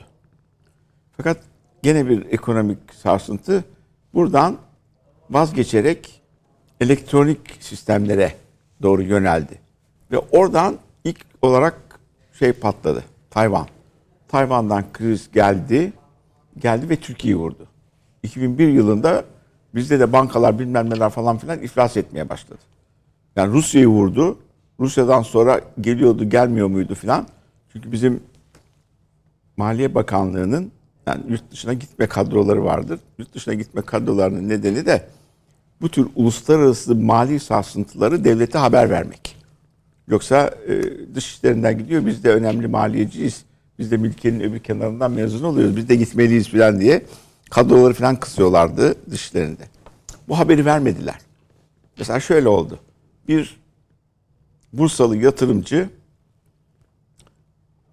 e, dokumada bir numaraya doğru gidiyor. Dokuma makineleri alıyor. 160 milyon dolarlık. Banka 120'si kadar kendi mal varlığını şey verebilir, kredi verebilir. Diyor ki 125 kadar alayım. Çünkü diyor bir numaraya gidiyorum. İşte o sırada kriz başlamış. Ürettiği ipliğin kilometresi 0,1 kuruşa dönüşmüş. Bundan haberi Yani yok. hata çıkarken gol yemek gibi bir şey. Evet. Ve ondan sonra Türkiye patlattı. Bu dünya ekonomisini kontrol eden Amerika'nın getirdiği boyut oldu. Buradaki sistemler çöktü. Şu oldu, bu oldu. Ee, AK Parti'nin de e, ondan sonra bu çöken orta sağ çöktü o sırada. Doğru yol mu falan. İşte bu olay. Ve diğer Avrupa ülkelerinde de bu olay oldu. Şimdi gene bir resesyona doğru gidiyor. Bu Asya'yı sarsacak. Çok fena halde sarsacak. Ee, Rusya'nın savaşa girmesi de Türk keneşini yani Türk e, konseyi içinde bulunan ülkeleri sarsıyor. Çünkü bu ülkelerin insanları çoğunlukla Rusya'da çalışıyor. Petrol işinde bilmem ne işinde falan şurada burada. Rusya'daki ekonomide bir zayıflama onları da aşağı götürüyor. Şimdi 2-3 yerde birden böyle bir durum var. Avrupa'ya bakıyorsunuz. Avrupa'da zaten Kuzey Afrika'dan göç var, Müslüman ülkelerden göç var. Bir de 4 milyon kadar Hristiyan Ukraynalı göçü var. Bunu Avrupa taşıyamaz hale geliyor. Çin de bunu istiyor. Diyor ki Çin, ha bu bana rakip olmaya çalışıyordu ama bu göçler ve etnik yapılanmalar Avrupa'yı çökertecek. O halde benim ekonomiyi bu arada sağlam tutmam lazım. Bunu derken Amerika'ya bakıyorsunuz. Demin Çağrı Hoca'nın anlattığı gibi petrol fiyatları gittikçe yükseliyor. Bu sırada da seçimi alabilirim diye Ukrayna'yı bak Avrupa'ya alıyorum. Bizim Afganistan'da yaptığımız kayıplara hiç aldırmayın. Gördüğünüz gibi NATO genişliyor. Çünkü her Amerikan başkanı bu numarayı yapıyor. NATO'yu genişletiyor. Niye? Kim istiyor bunu? Pentagon istiyor. Askeri üretim lobisi istiyor. Sağ lobiler istiyor. Ve şimdi de demokratlar istiyor ki seçimi tekrar alabilsinler. Ve bu yüzden Ukrayna'ya milyarlarca dolarlık yatırım yapıyor. Ha, bu yatırıma devam et, edemek durumları var. Niye devam edemiyorlar? Çünkü kongrede bu yatırımlardan rahatsız olmaya başladı. İçeride bir durum varken 46 milyar dolar oraya buraya. Peki bunu kime yükleyebiliriz? Bunu Avrupa'daki civcivlere yükleyelim. Nasıl yükleyebiliriz Avrupa civcivlere? Bir toplayalım Madrid öncesi. Bundan sonra karar verelim. 30'a yakın ülke Ukrayna'daki savaşı siz destekleyeceksiniz. Bu bir. Ee, Avrupa'da yeni bir güç yapısı oluşturacağız. Yani Avrupa'nın NATO harekete geçinceye kadar NATO'ya bağlı bir güç olması lazım. Bu da 40 bin kişilik bir güç. Biliyorsunuz bir e, eski milletvekilimiz bu güvenlik konferansı dedi ki ya güç toplayamazsanız biz size 60 bin asker verelim dedi. Gayet rahat bir şekilde. Eski bir milletvekilimiz, eski bir büyükelçimiz. Şimdi büyükelçimiz. Ya eskiden de büyükelçiydi. Tabii, tabii. Milletvekilliğinden geldi. Böyle bir yapı var ve şeyin üzerine yıkıyor. NATO'nun üzerine yıkıyor. Neyi yıkacak daha başka? NATO'nun üzerine Çin'i yıkacak. Çin'i 2-3 yerde yıkmaya çalışıyor. Hemen yeni bir güvenlik boyutu koymaya başlamışlar. Arktik bölge güvenlik boyutu. Ama bunun üzerine Rusya da demiş ki Çin'e buyurun gelin siz Arktik bölgeye meraklısınız. Arktik bölgedeki operasyonları birlikte yapacağız. O da o yollara doğru getiriyor. Şimdi bu yapı içinde ekonomisi iyi olmayan ülkelerin başka bir açıdan bakıyorum. Destek ve kredi alacakları yer yok. Bu çok tehlikeli. O yüzden demin Çağrı Hoca'nın söylediği Salman buraya geliyor cümlesi çok önemli. Yani bu bir sürü ülkenin açısından çok önemli. Ee, Türkiye'nin işte İngiltere ile birlikte Ukrayna'dan buğday getirtme yaklaşımları, e, bu açılımın sağlanması Afrika için de önemli. Çünkü Afrika'da da açlık krizleri var ve Afrika bu yapı içinde durgunluğa girmiş durumda ve daha büyük göç dalgaları gelecek gibi. Hocam şey mi bu e, Amerika bu e, kendi zaaflarını finanse edecek olan olması bakımından mı bu İsveç ve Finlandiya'yı? Buna mı onlara mı ödettirecekler bu NATO O genişlemesini? hocam bir iki şey yapılıyor burada.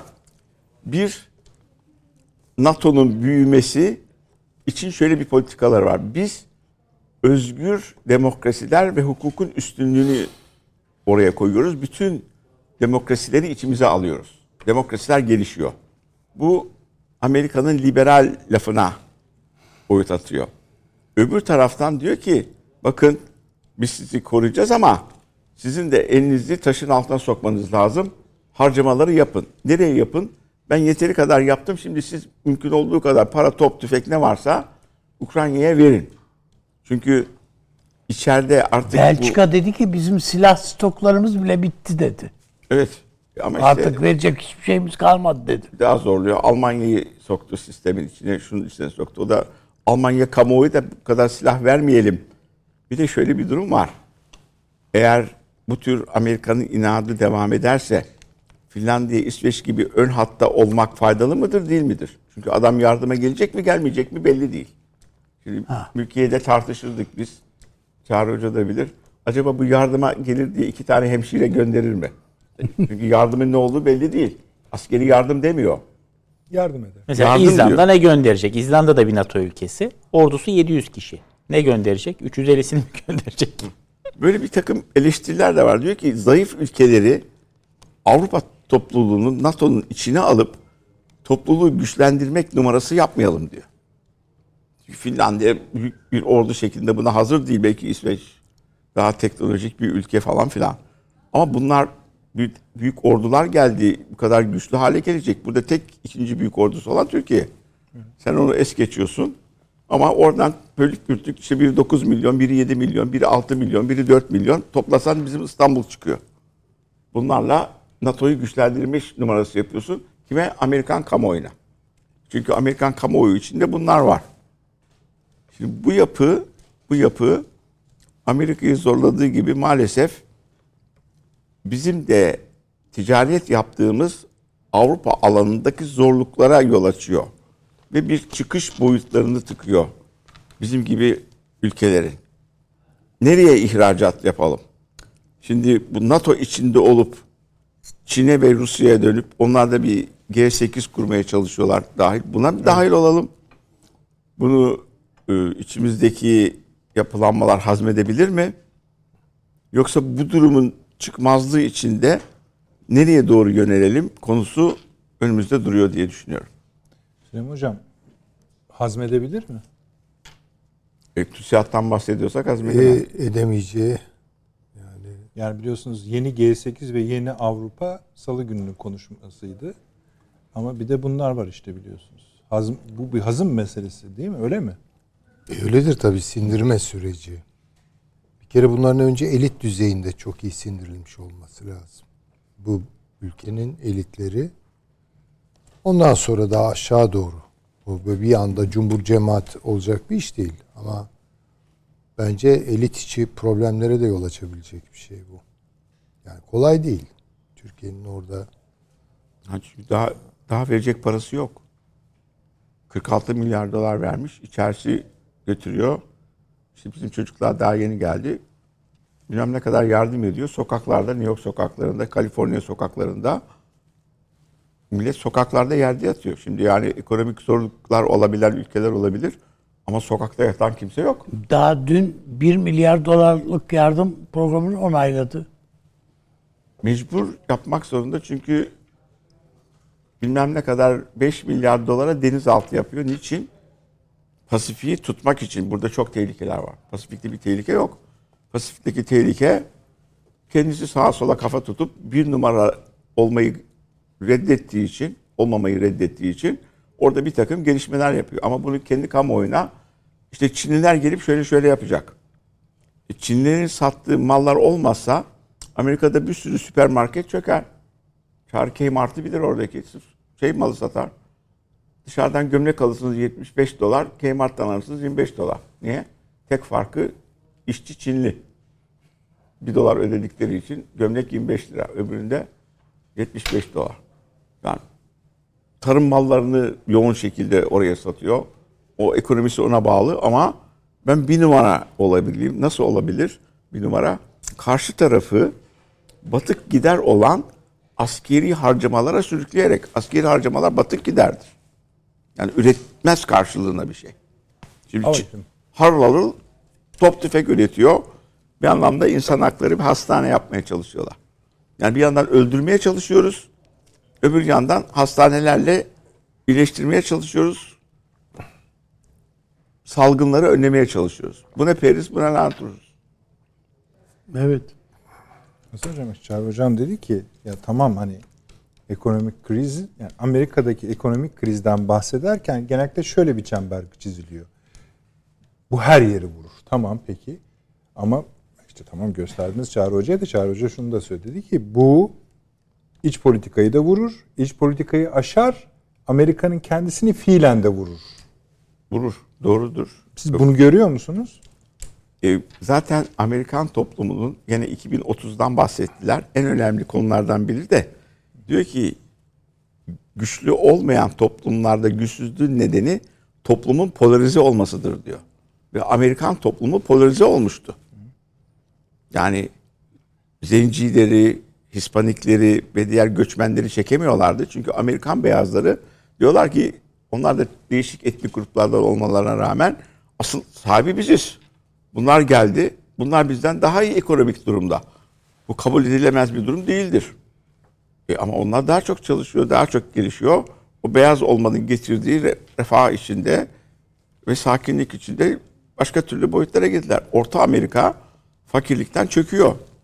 İki taraftaki deniz kısımlarında zenginlik vardır. O Ortası kısımlarda da zaten Bible Belt çöküyor demek. tabii. O da iyice tehlikeli bir şey yani. beyazların olduğu zaten oralardan oy alıyorlardı. Öbür taraf Kaliforniya tarafına giderseniz Çin, Japon. Bu tarafa giderseniz İspanikler, şunlar bunlar ne kadar yabancı varsa şey tarafında biraz da Florida'da bilmem nerede falan varlar. Şimdi bu yapı içinde orta taraftaki beyaz çok rahatsız durumda. Şimdi bir daha Hispanikler geriliyor. de güzel yerlerdeymiş yalnız hocam. Hem Kaliforniya hem okyanusun her iki tarafında E, yani. Yaşam şeyleri öyle koşulları sıcak. Peki. Bir de metrekareye üç tane Kübalı düşüyor. Peki. Aslında hibrit bir konu konuşuyoruz. Geçişmiş durumda iç içe. Bu Sakıncası askeri harcamalarla ilgili bir cümle de ben Tabii söyleyeyim. rica ederim. buyurun. Şimdi tabii Amerika Birleşik Devletleri'nin sanayi e, büyük ölçüde teknoloji ihracına dayalı bir sanayi. Ve bunun içerisinde de askeri teknoloji önemli bir yer tutuyor. Amerikan devleti, Amerikan ordusu, Amerikan askeri endüstriyel kompleksinin en büyük alıcısı. Evet. Ama dünyanın geri kalanı da e, neredeyse o üretimin %50'sini satın alıyor. Peki e, Soğuk Savaş'ın bitmesi mesela Amerikan askeri endüstriyel kompleksinde yani savunma sanayi, silah üreticilerinde acaba nasıl bir mutluluğa sebep olmuştur? Yani herhalde mesela araba kazalarının azalmasına en az sevinecek olanlar hemen şurada işte sanayide oturanlar değil mi? Sanayide dükkanı var adamın kaportacı. Araba kazası olmazsa kaportacı para kazanabilir mi? Yani onlar için araba kazası olması iyi bir şey. Tabii. Yani baktığınız zaman hayırlı bir şey değil ama kendileri açısından bir gelir. E burada da aynı şey söz konusu. Yani savaş olmazsa o zaman ne oldu? Birdenbire 2 Ağustos 1990'da Saddam Hüseyin Kuveyt'e saldırdı. Yani 9 e, Kasım 1989'da Berlin Duvarı bitti. Vay bitti artık soğuk savaş falan gerek yok. Artık şey yapalım. e, Barış içerisinde yaşayacağız denmişti. Aradan sadece 7 ay geçti, 8 9 ay geçti. 9 ay sonra Saddam Hüseyin Kuveyt'e saldırdı ve Bush dedi ki yeni bir dünya düzeni kurulmuştur. Hayda bütün körfez ülkeleri silahlanmaya başladı tekrar. Amerika'dan aldılar bu silahları. Şimdi de bugün acaba şu açıdan da bakmalı mıyız? Yani neden bu kadar istiyor? İsveç ve Finlandiya'nın girişiyle beraber Rusya'da tabii ki o sınıra daha çok asker yiyecek. Rusya da silahlanacak. Rusya'nın hocamın bahsettiği o batık silah harcamasını yapması Rusya ekonomisini zora sokacak. Yani aslında o ürettiği işte petrolle ürettiği şeyi geliri Soğuk Savaş'ın bitiminde biliyorsunuz ABD ile girdiği uzay yarışının büyük etkisi olmuştur Sovyetlerin. Yani aşırı silahlanma ve uzay yarışı e, Sovyetler asıl e, gerekli olan yerlere para aktaramadılar ve çöktü Sovyet ekonomisi. Burada bir yandan Ruslara zarar verirken bir yandan da e, bu tehdidi hisseden, zaten Almanya bunun ilk sinyalini verdi. Değil mi? Kanunu da geçirdiler. 100 milyar avroluk ben silah alacağım dedi. 50'sini içeriden, 50'sini de dışarıdan. Dışarının da %90'ı Amerika'dan. Bu açıdan da bakmak gerektiğini düşünüyorum. Yani çatışma olacak ki, gerilim olacak ki Amerika e, bir silah satabilsin. İki, yine Amerika'nın belki kendisi en büyük üretici değil dünyada ama o petrol en fazla çıkartan ve en fazla pazarlayan Amerikan şirketleri. Dolayısıyla gaz ve petrolün fiyatının artışı Amerika'da pompa fiyatlarına yükselişle yansıyor. Ama şirketler siz de bahsettiniz işte 10 milyar dolarlık bir çeyrek karı bile açıklayabiliyorlar. Evet, teşekkür ederim. Avni abi şöyle bir şey sormuş okuyucularımız. Diyor ki Sayın Cumhur, Cumhurbaşkanımız bu Finlandiya, İsveç e, meselesiyle ilgili diyor e, bir yazılı taahhüt ifadesi kullandı. E, acaba hani bunu verirler de bu zirvede onaylanır mı? Ve eğer öyleyse bu yazılı taahhüde... Bu yazılı taahhüt devlet taahhütüdür yani. O, Biz o, ne devlet taahhütleri? Hayır, yani. hayır. O, o, o olabilir. Olabilir. Yani yazılı altında başbakanın imzası olan bir taahhüt elbette geçerlidir. Ama yani ben şunları şunları yapacağım, şu kadar süre zarfında yapacağım diye bir taahhüt olursa bu geçerlidir. Ben derken yani işte İsveç hükümeti manasında söyle taahhüt olarak söylerse olabilir.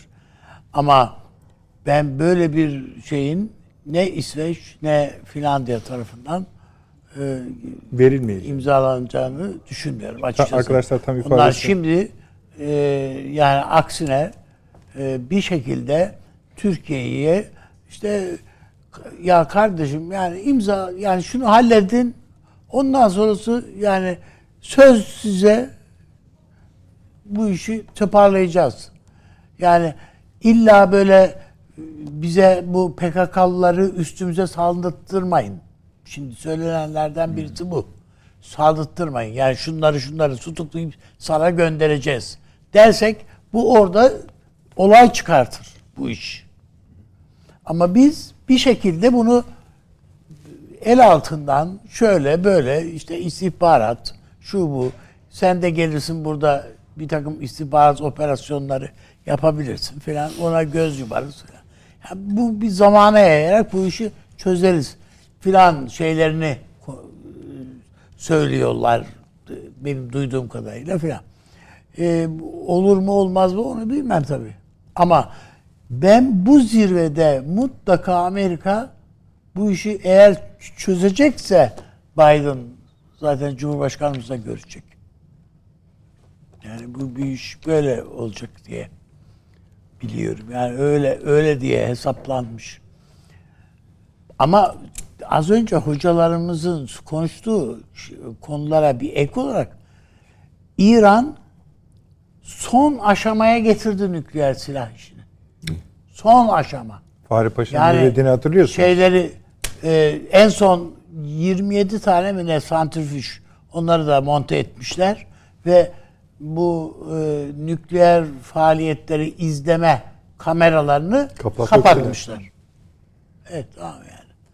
Şimdi düşün bir an için bir an, hatta 10 gün sonra İran nükleer silah sahibi olduğunu açıklayabilir diyorlar. 10 gün sonra. O biraz Şimdi garip olur evet. 10 gün, 15 gün fark Tam etmez. NATO zirvesine denk Tam düşürse denk mesele. gelecek. yani şimdi NATO girerler o. İran böyle bir açıklama yaptığı anda düşünebiliyor musun? Amerika'nın bütün Orta Doğu politikaları halbuki İran'la yumuşama, Viyana, şu bu filan hepsi vardı. Bütün Obama siyaseti yattı esasında. Yani o şey açısından ya Arap dünyası açısından da yattı. Onların gözünde İran önemliydi. Diğer Arap ülkeleri işte Suudi Arabistan da dahil Birleşik hepti, hepsini salladılardı. Şimdi adam gidip toparlamaya çalışıyor Suudi Arabistan'la ilişkileri. Acaba işte üretimi arttırır mı? Şunu yapar mı? Bunu yapar mı diye. Yani o kadar ki Amerika'ya alenen Prens Salman suçladı yani.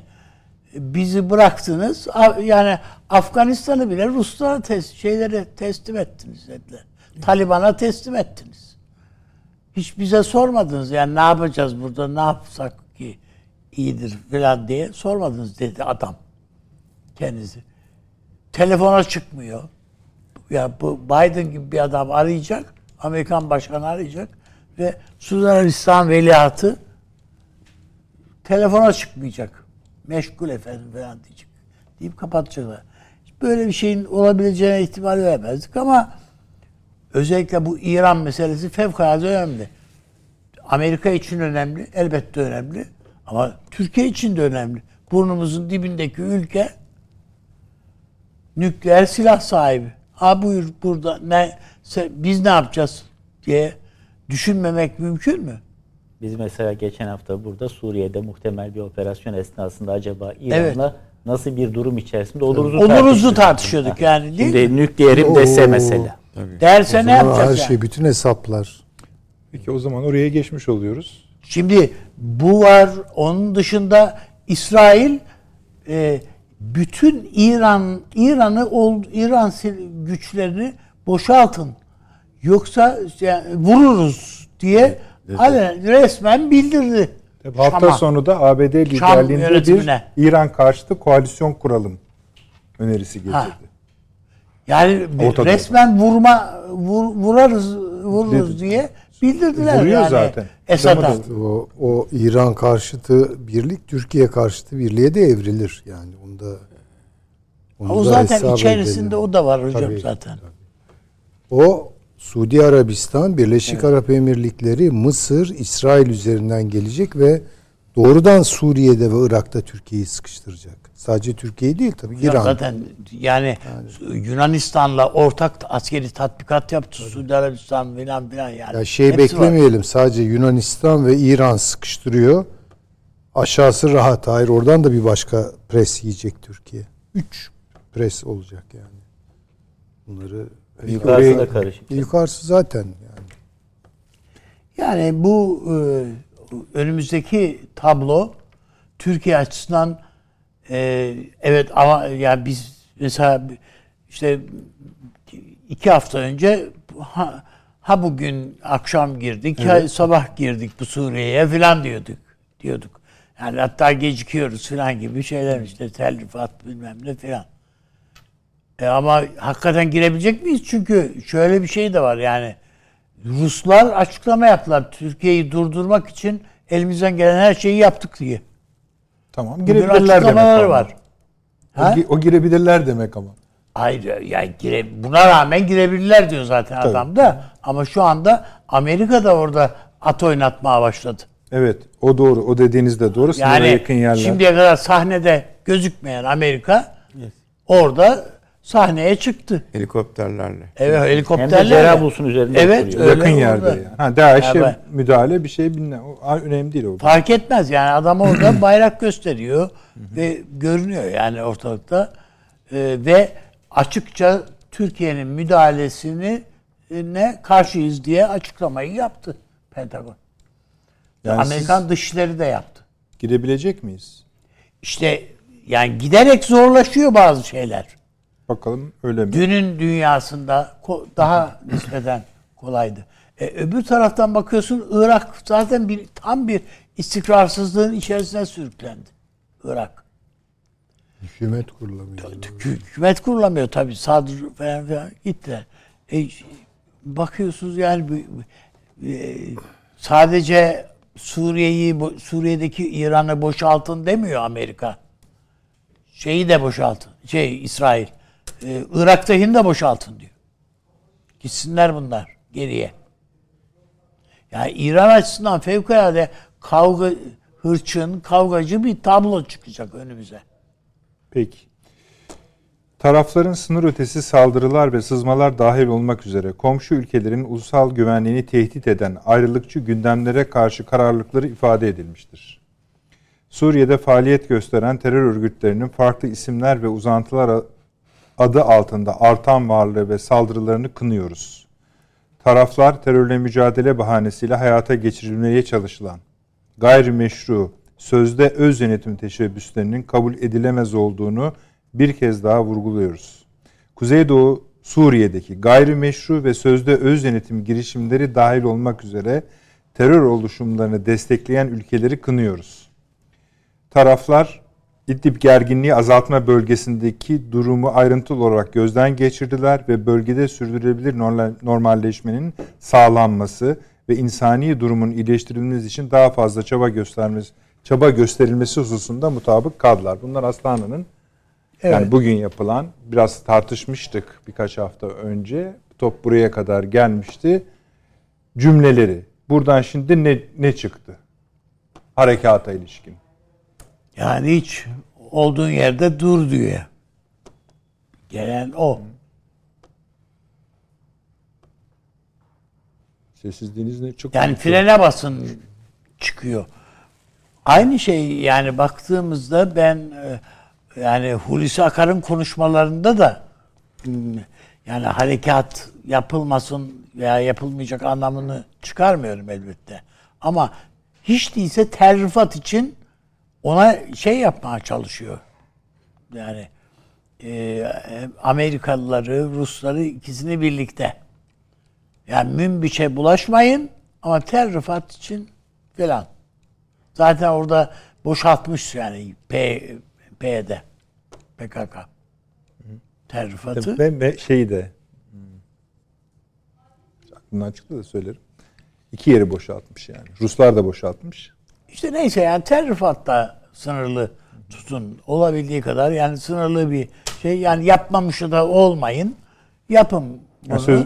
Çünkü Türkiye'deki sığınmacıların da önemli bir kısmın yani önemli bir nüfusu bu. Terrifattan Türkiye'ye kaçıp gelen Suriyeliler. Onlar e, bayram ediyorlar yani Türkiye terrifatı kontrol ed- altına alacak diye biz geri, vatanımıza geri döneceğiz diyorlar. Onlar. Peki. Aynı şey mi çıkardınız? Yani o eğer alabi yani burada bir uzlaşma sağlanırsa hem Türkiye o müdahaleyi yapmış olur hem de işte bu. Peki. Siz de aynısını mı çıkardınız Süleyman Hocam? Aynı sonucu mu çıkardınız? Yani çok emin olamıyorum ama şunu söyleyebilirim. Ee,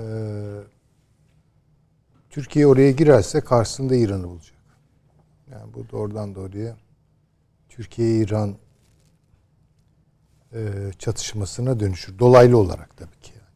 Onun vekil güçleriyle Türk ordusu arasında ve Suriye Milli Ordusu arasında. Benim düşüncem başından beri daha farklı. Ee, iki büyük sivrisinek yuvası var diyelim. Fırat'ın batı tarafında. Ve bizi hakikaten rahatsız ediyor. Mehmetçikler ölüyor. Şehit oluyor. Oraya dönük bir operasyonun yapılması, yapılmaması bence yapılmalı tabii ki. Fakat beni daha çok ilgilendiren ve hiç konuşulmayan Fırat'ın doğusudur. Esas orada adamlar. Öyle. Yani şimdi bir anlamda da hani cambaz gibi böyle işte cambaza bak filan gibi. Bunu özellikle böyle bir gerilim konusu haline getirerek Türkiye açısından diplomatik çıkmazlara sokarak, yokuşlara filan sardırarak öbür tarafını görmemiz mi istenmiyor? Bilemiyorum ama doğrusu Lavrov'u tabii ki kendi açısından ortaya koyuş şekli başka sahiklere dayanır da ama ortaya koyuş tarzı doğru. Yani sen madem sınır güvenliği diyorsun diyor. Tamam. Senin sınırlarının çok ötesinde Münbiç ve Tel Rifat. Oysa burnun dibinde Kamışlı var. Yok. Kobani. Hani o Evet. e, evet. peşmergelere eskortluk yaparak teslim ettiğimiz. Yani. Şimdi mesele duruyor bence. Yani ben doğrusu hani bu Suriye'ye dönük operasyon meseleleri ilk daha henüz de elimizde bir şey yokken hani konuşulurken biraz da belki saf dillik gereği oraya bekledim. Önemsiz demiyorum Münbiç. Tabii ki Tel önemsiz. Yani Mehmetçiğin burnun kanadığı her yer benim için önemlidir. Ayrı bir şey. Oraya da girilmeli mi? Evet girilmeli. İşte bugünkü şehidimiz filan hocam oralardan gelen Ama bakınız ateşlerle vuruluyor çocuklarımız. Bakın o zaman biraz daha açık konuşayım ben. içimdeki şüpheleri dökeyim. Şimdi ikide bir Mehmetçiğe dönük işte taciz ateşi, şehit veriyoruz falan. Ne olmuş oluyor? Türkiye'nin zihni orayla meşgul edilmiş oluyor. Yani şöyle bir haber geliyor mu? Geliyorsa ben belki rastlamadım. Fikrimi değiştiririm. Kamışlı'dan sürekli burnumuzun dibi. Atmayı bilmiyorlar mı? Oradan niye ses diyor çıkmıyor. Evet orada bir şey yok. Orada garip bir sükunet var. Anlaşılmaz bir şey. Dolayısıyla yani e, yapılacaktır tabii ki bu harekat. E, bu harekatı benim tabii ki şu ya da bu şekilde değerlendirme lüksüm olamaz. Ama biraz başka yer var. Yani çok daha bence Şöyle de denirse yani yumuşatarak ya işte bu işin taktik boyutu ama stratejik ileride oraya da zaten söylüyorlar yani Türkiye'de o kadar Sırayla herhalde- evet. yani sırayla peki onu tabii ki göreceğiz. Ama hocam adam devletleştikten sonra ilan ettikten sonra Yani sen meseleye o- sırası gelmedi çıkardın. diye Doğru. Yani benim de endişem o. sıraya girdiğin Çünkü anda çok hızlı işliyor süreç. Tabii. Yani süreç böyle çok geciktirip işte uygun bir zamanlama falan bilemiyorum. Yani yarın orada bir paldır küldür bir şeyler olur. Referandum yaparlar. Bir şey bilemem. Bir oldu bittiye getirip. Çünkü neleri eksik ki her şeyleri var devlet olmak için. Çok az şeye ihtiyaçları var. Orada bir büyük ur büyüyor. Ama metastas yaptığı yerler var. O biraz hani ya doğru bir şeyle iceberg'in esas kütlesiyle değil de biraz uçlarıyla tamam görünen o da altta başka bir şey oluyor. Bana öyle geliyor. Ha, kolay mı bu? Tabii ki değil. Ama e, varlık sebebi haline geliyorsa bir şey yani bedellerini falan ne kadar düşünmek gerekir bilmiyorum. Çünkü daha sonra daha büyük bedeller ödemeye doğru gidebilir Türkiye. Yani benim aşağı yukarı gördüğüm bu. Peki hocam. Mesele oralarda yani. Çağrı hocam. Siz de biraz yavaşladığını düşünüyor musunuz? Ayrıca bahsedilen riskler konusunda yani bir ara konuşma şöyle hızlandı burada. İran'la karşılaşırsınız. NATO zirvesi zamanlamasında elindeki nükleer silahı açıklayacak. Astana'dan bir şey çıkmadı. Bir anda böyle hani çark hakikaten kendi içi bu zihni bir çark ama sahada da o kadar yavaş değil bu çark. E, e, hocam eğer müsaade ederse çok küçük bir şey ekleyeyim. Yani bu Fırat'ın batısında bu e, peşmerge falan çekilir oradan. Bence çok Türkiye Türk ordusunun karşısına çıkmaz. Ama orada bir rejim çıkabilir. hocam rejim çıkmaz. Çünkü boşaltmışlar. Ha, yani yani boşaltmışlar. ihtimal esas. Çünkü şöyle bir şey söyleyeyim. Ee, Şam havaalanının bir tane pisti var. Onu da İsrail geçen hafta vurdu. Evet. Evet. O artık Şam öyle bir kabiliyet de yok. Resmen po- po- şeyi İsrail'den ultimatomu yediler. Doğrudur. Yani Şam dizinin üstüne çökmüş vaziyette. O zaman İran kalıyor işte. İran'da oradan çekiliyorsa o zaman şöyle olacak. İsrail yani, onu da öyle diyor. Sen de buradan çekileceksin diyor. Çekileceksin diyor. çekilir mi çekilmez mi onu bilmiyorum. O O, ayrı, da tabii. onun için çok Ama hayati. vuruyorlar sürekli. Yani orada Türkiye ile İran'ı böyle e, ne diyelim ona tam e, kafa kafaya karşı karşıya getirecek olan bir süreci biraz beslemeleri kendi lehlerinedir. Yani ben İsrail olsam çekil İran demem. Orada demem.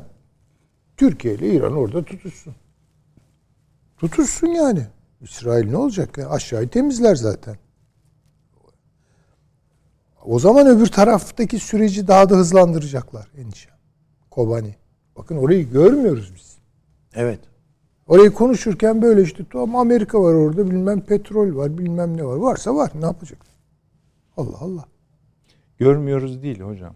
Amerika var, petrol var. İşte artık bilmiyorum. O kadarını söyleyeyim. Çağrı hocam buyurunuz. Amerika var, petrol var ya. bazen gündelik gaile ana tabloyu e, gölgeleyebiliyor. Bir defa geçmiş karineler gösteriyor ki Türkiye ben harekat yapacağım dediği zaman yapmış. Yani bunu gecikmiş. Tamam bazen. Bazen de kasıtlı olarak epey önceden ben yapacağım, yapacağım, yapacağım demeye başlamış. İşte birileri çekilsin aradan diye belki. Bazen de siyasi ittifaklaşmalara fırsat sağlamak adına bunu yapmış.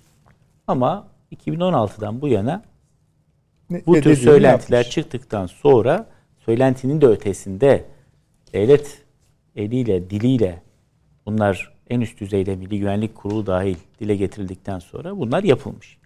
Dolayısıyla bu harekatın e, artık yapılıp yapılmayacağı değil, ne zaman yapılacağı meselesi gündemde. Peki bizim asıl siyasi hedefimiz ne? Askeri harekatla şu kasabayı almak, bu köyü ele geçirmek, harekatı o tarafa ya da bu tarafa yapmaktan bizim maksadımız ne? Ne arzu ediyoruz burada? Şimdi evvelde az önce üzerinde durduğumuz husus biz burada kendi kontrolümüz dışında ya da bir gün kontrolümüzden çıkabilecek, bize karşı kullanılabilecek otonom veyahut yani muhtar veyahut müstakil bir yeni devlet yapılanmasını arzu etmiyoruz. Başka bir deyişle Suriye'nin ya da Irak'ın mevcut toprak bütünlüğünün, ülkesel bütünlüğünün, teritoryal bütünlüğünün değiştirilmesini istemiyoruz. Sınırlar, sınırların değişmezliğinden sürekli bahsediyoruz. Sınırların değişmezliği Şam rejimini, Bağdat'ı çok çok sevdiğinden değil Türkiye'nin. Sınırlar değiştiği takdirde bunun Türkiye'nin lehine değil, aleyhine değişebileceğinden duyduğu endişeden mütevellit. Nitekim burada o sınır değişikliğinden bir muhtar veyahut müstakil Kürdistan kurdurmak isteyen 100 yılı aşkın bir süredir. Bunu arzu eden sadece söylemde değil, hele şu son 10 yıldır yaptıklarıyla fiiliyatta da bunu arzu eden bir Amerika Birleşik Devletleri gerçeği var iken Dolayısıyla Türkiye her şeyden evvel kendi sınırlarının hemen güneyinde böyle bir oluşumun olmasına mani olmaya çalışıyor. İkincisi tabii ki kendisine yönelmiş her türlü tecavüzü önlemeye ve bu tecavüzü gerçekleştirenleri de bir daha bu tür eylemlerde bulunamayacak hale getirmeye çalışıyor. Bunun içerisinde az önceki sizin okuduğunuz bildiride olduğu gibi her türlü yani hangi ismi alırsa alsın PKK'nın türevleri olan işte PYD'si, SDG'si, bilmem YPG'si ama aynı zamanda DAEŞ'ı Destekleyenler. e bütün bunlar hepsi bir e, sepet terör örgütünün hepsini birden engellemeye ve bunları bir daha da bu tür faaliyetlerde bulunamaz hale getirmeye çalışıyor. Ama bir üçüncüsü daha var ki o da bizim için artık son derece önemli. O da bizim memleketimize gelmiş bulunan misafirlerin bir bölümünün artık geriye dönmesi. Yani ülkelerine geriye dönmelerini temin etmeye çalışıyor. Bunun için orada silahlardan arınmış, terörden arınmış, güvenli bir alanın var olması lazım. Şimdi bu siyasi hedef, bunlara belki bir iki tane daha ekleyebilirsiniz ama ana hedeflerin ben bunlar olduğunu düşünüyorum. Yoksa işte bu senede bu harekatı yapalım, seneye de bir tane daha yaparız gibi Türkiye düşünmüyor bence artık. Ve Türkiye planlamalarını yaparken e, bu tablonun giderek daha girift hale geldiğinin de farkında. Yani bundan 10 yıl evvelki durumla karşı karşıya değiliz. Rusya'nın oradaki askeri mevcudiyeti ve ABD'nin askeri mevcudiyetinin yanına güçlenen bir şekilde İran'ın eklemlendiğini, İsrail'in çok sıklıkla neredeyse rutin hale getirdiği bir takım saldırılar yapmaya başladığını, DAEŞ'in bazı yerlere geri dönmeye çaba gösterdiğini ama en mühimi de sadece ülkenin %10 nüfusuna sahip olan e, bir etnik grubun temsilcisi olduğunu iddia eden bir silahlı terör örgütünün ülke topraklarının %30'unu neredeyse ve petrol bölgesinde Tabii. de kontrol altına almış oluşu. Ve Amerika'nın himayesinde. Evet. Şimdi bunu ortadan kaldırmak için eğer böyle bir siyasi hedefi varsa Türkiye'nin daha evvel ben şöyle bir tutum içerisindeydim. E, aynı tutumu devam ettireceğim deme lüksü yok. Hiçbir bu coğrafyada e, politika takip eden ülke ben ben 10 yıl evvel bu siyasetimi bunun üzerine bina etmiştim. Bütün değişen şartlara rağmen ben bunu devam ettireceğim deme lüksüne sahip değil. Ankara da bu lükse sahip değil. Yani bu mesele ilk çıktığında Türkiye'nin siyasi hedefi Esad'ı devirmekti. Öyle mi? Yani Türkiye'ye gelen işte muhaliflerin desteğiyle, yardımıyla devirmekti. E bu olmadı. Hocam siz daha iyi biliyorsunuz. Yani e, bu Suriye muhaliflerinin tamamı yani bu e, sonradan PYD'yi şekillendiren adamlar da dahil. Tamamı Türkiye'de toplantılar yapıyorlardı. Şimdi onu diyecektim. Başlangıcında Hatta biz bunların- kontrolden kaçırdık bunları. Bunlara takım elbise giydirip getiren, Evet. değil mi? Lüks mağazalardan takım elbise giydirip bunları toplantılara dahil ettik. Biz Evet. sa- birinci sayfalarında gazetelerin Salih boy Müslüm'ü boy, falan ha, Salih Müslim'in Müslüm'ü boy boy fotoğrafları yani. var yani. Kim bu? İşte bugün o bölgede devletleşme çabasının son aşamasına gelmiş olan işte o kitlerin bir parçası. E, Dolayısıyla Türkiye'nin atacağı adımları efendim geçmişte şöyle denmişti, böyle denmişti, ona aykırı hareket ediliyor değil. Şartlar neyi icbar ediyorsa, icbar etme kelimesini bilerek kullanıyorum. Evet. Yani bazen siz şartları şekillendiremezsiniz çoğu zaman. O sizi zorlar bazı şeylere. Ve bazen o zorladığı şeyler sizin e, hoşunuza gitmeyebilir. Ama uluslararası ilişkiler böyle bir şeydir. Yani Hobbes, Machiavelli, işte o boşuna bir realist paradigmayı oluşturmamış bu adamlar. Onların temellerini atmamışlar. Tabii ki ilkelerden taviz vermeyeceksiniz. Ama o ilkeleri var edeceğiniz bir dünya kurabilmeniz için evvela bazen bu değişen paradigmaya uygun hareket etmek mecburiyetindesiniz. Tabii hocam o Salih Müslüm'e söyleneni hatırlıyorsunuz değil mi? Ee, Yani Türkiye'nin önemlice bir zevatının biz benim emrimde ol ben gerisini bana bırak dediler. Adam da sen kimsin dedi ya. Ben bu söylediklerime Yani hiç- bir e, örnek teşkil etmesi bakımından 2005 öncesi Türkiye'nin e, Kuzey Irak siyasetini bir hatırlamamız gerektiğini düşünüyorum. 2005'te dönemin Milli İstihbarat Teşkilatı Müsteşarı gidip bunlarla görüşene kadar bunlar düşmandı. Çok net ifadelerle Milli Güvenlik Kurulu bildirgelerinde de başka yerlerde Evet. de yani aslında terörist örgütten çok da farklı bunlar görülmüyorlardı. Fakat daha sonra bu görüşmeler yapıldı ve devlet şöyle bir siyaset içerisine girdi. Ya biz eğer bunları terör örgütünden ayrıştırabilir isek tabii ki organik olarak iç içe geçmiş olanlar var. Ailelerin işte bir çocuğu bu tarafta bir çocuğu o tarafta vesaire ama bunları birbirinden ayrıştırabilirsek Türkiye için burası Türkiye ile entegre olabilecek bir alana dönüşebilir. Ve bizim milli güvenliğimiz açısından öyle olması e, PKK ile aynı kefeye koyulmasından çok daha önemlidir. Düşüncesiyle işte aradan geçmiş 17 sene bugün geldiğimiz nokta neredeyse entegre olmuş bir ekonomiden söz ediyoruz. İşte Türkiye'ye gelip değil mi devlet başkanı Öyle düzeyinde ağırlama söz konusu oluyor. Ee, iç içe geçmiş bir sosyal yapı söz konusu ve gerçekten de e, zaman zaman PKK ile de bunlar çatışma içerisine giriyorlar. Şimdi Türkiye'nin bu Suriye'nin kuzeyindeki siyasetinde de bence benzer bir akıl artık uygulanıyor.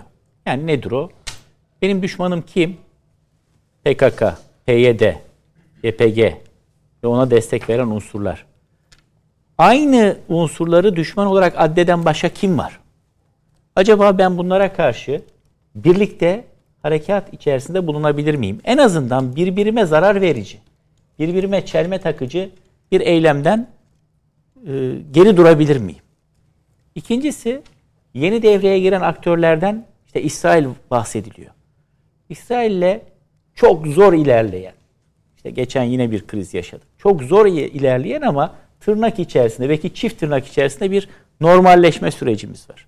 Acaba buna bir böyle bir Suriye boyutu eklenebilir mi? Ama hatırlayın bizim 97'de o askeri eğitim işbirliği anlaşması imzalarken onu doğuran etmenlerden bir tanesi de e, Suriye'nin müşterek tehdit olarak algılanmasıydı. Hem Türkiye bir tehdit olarak algılıyordu PKK elebaşına ve militanlarına Beka Vadisi'nde ve Şam'da e, destek sağladığı için hem de Suriye, İsrail bir tehdit olarak algılıyordu, algılıyordu ve o yolu açtı bu. O işbirliği sürecinin e, motiflerinden biri bu oldu gerisinde. Bugün de böyle bir müşterek acaba durum söz konusu olabilir mi?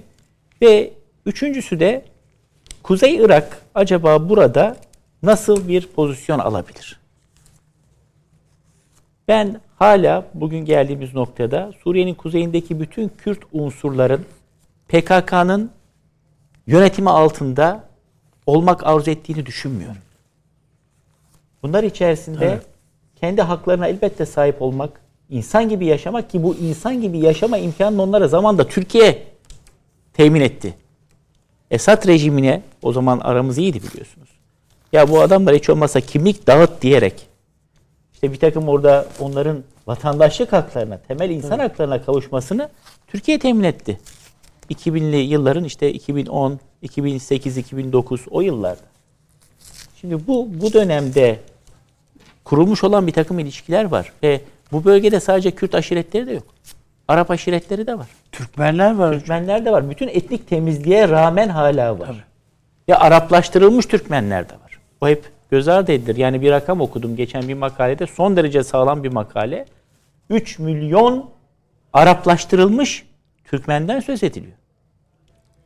Dilini bile unutmuş. Yani belki 100 senedir Araplaştırılmış evet. ama aslında Türkmen aşireti. Şimdi bunları tekrar harekete geçirmek mümkün olabilir. Sözün özü Türkiye'nin hedefi madem ki PKK'nın kendi ne zarar verecek şekilde bir muhtar ya da müstakil devlete dönüşmesine mani olmaktır.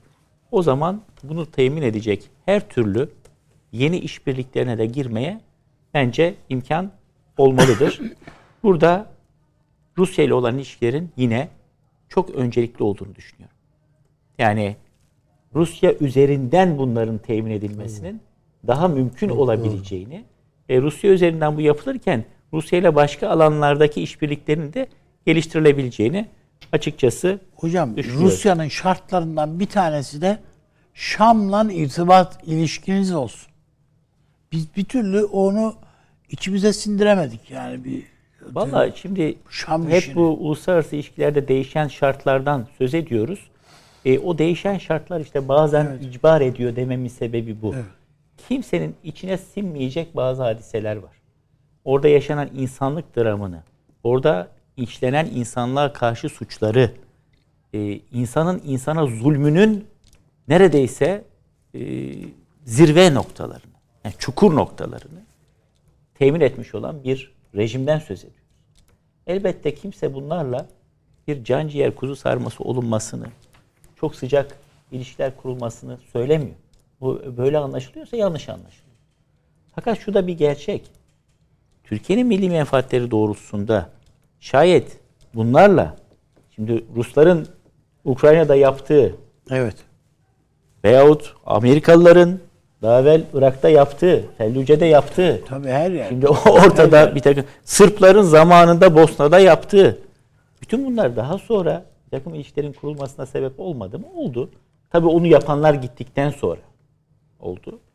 Burada da bir e, sınırlı ilişkinin kurulabileceğini, en azından görüşme, diyalog ortamının alt düzeyde sağlanabileceğini ben düşünüyorum. Bunun ötesine geçilmez ama. Kimse de beklemez. Teşekkür ederim hocam. Hasan Hocam buyurunuz. Aynı Harekattan başlayarak. Evet. Şimdi e, bu kadar e, konuşulduktan sonra ve Türkiye'nin bir ana problemi olarak bu konu ortaya konduktan sonra e, ufak da olsa bir harekata girişilecek. Yalnız hocaların söylediği gibi böyle her seferinde bir harekat yapıp bu tarafı geriltelim, bu tarafı bu tarafa çekelim değil de acaba bunun köklü çözümü nasıl olabilir diye de düşünüyorum. Şimdi Bilkent'te derse gidiyordum. Dediler ki e, bu uluslararası ilişkiler kitabını okutacaksın İngilizce. Bilmem ne Goldsman kitabı. Anlatıyorsun filan minorities ve etnik gruplar yani azınlıklar ve etnik gruplar kısmı var kitapta. İşte bir çevirdim. Bir Kürt haritası 93-94 bu. Diyor ki Orta Doğu'da vatanı olmayan en büyük etnik yapı. Ders kitabında. Amerikan ders kitabında. Onlar Amerikan kitaplarını okuyorlardı. Gittim Ali Doğramacı'ydı. Dedim ki hocam bu kitabı tavsiye ettiler. Bölüm başkanı fakat bu kitabın dedim burada e, örnek olarak verilen olay en büyük etnik grup diye Kürtler. Sene 93. En vahşi dönemi. En başlı grup. Şimdi 91'de de kıymetli hocamız Türkkaya Ataöv'le Belçika'ya Kongar diye bir komite vardı. Ee, onlar daha böyle yumuşak anlaşalım, görüşelim falan filan gibi bir şeyler söylüyor. Ee, iki kişiyi gönderdiler. Ee, Onur Ömen de orada büyükelçi. Görüşmeye gidildi. İşte Türkkaya Hoca konuşurken mikrofonu kapattılar. Dediler ki siz elçiliğe geri gidin diye PKK geldi. Bu Kongar daha Avrupa'yı anlaşmacı. Peki geri gittik. Onur Bey dedi ki bunu şeyde yapalım. Elçilikte yapalım. Basını çağıralım. Burada işte söyleyin. Ve ilk defa askeriyede e, Kürt lafını konuşabilirsiniz. Şunu da söyleyebilirsiniz. İşte biz birlikte Türk demokrasisini yaşatacağız. Yani birlikte yaşayacağız. Tamam. As- asıl mesaj bu. Geri kalan bir sürü. Bahsettiğiniz ama o kon, o toplantı yani konuş Türkiye Hoca'nın da yapacak o zaman gizliydi. Evet. Yani bu Türkiye'de konuşulmuyordu. Hayır konuşulmuyordu. biliyorum. Bize dediler ki bu konuş. Çünkü Kongar özel çağırmış. Okey peki. Gelmeye başladılar toplantıya. Biz kapıda karşılıyoruz. Merhaba. Belçika Kürt basını. Hollanda Kürt Gazeteleri Birliği. Bilmem ne falan. Dedim ki Onur Bey burada dedim komünikasyon ağları tamamlanmış. Sene 93. 93'te Avrupa'da komünikasyon sistemleri tamamlanmıştı. Ve bir tane de İngilizce Kürtçe lügat çıkarmışlardı Danimarka. Basmış. Yani kütüphanede dolaşırken o kitabı buldum aldım.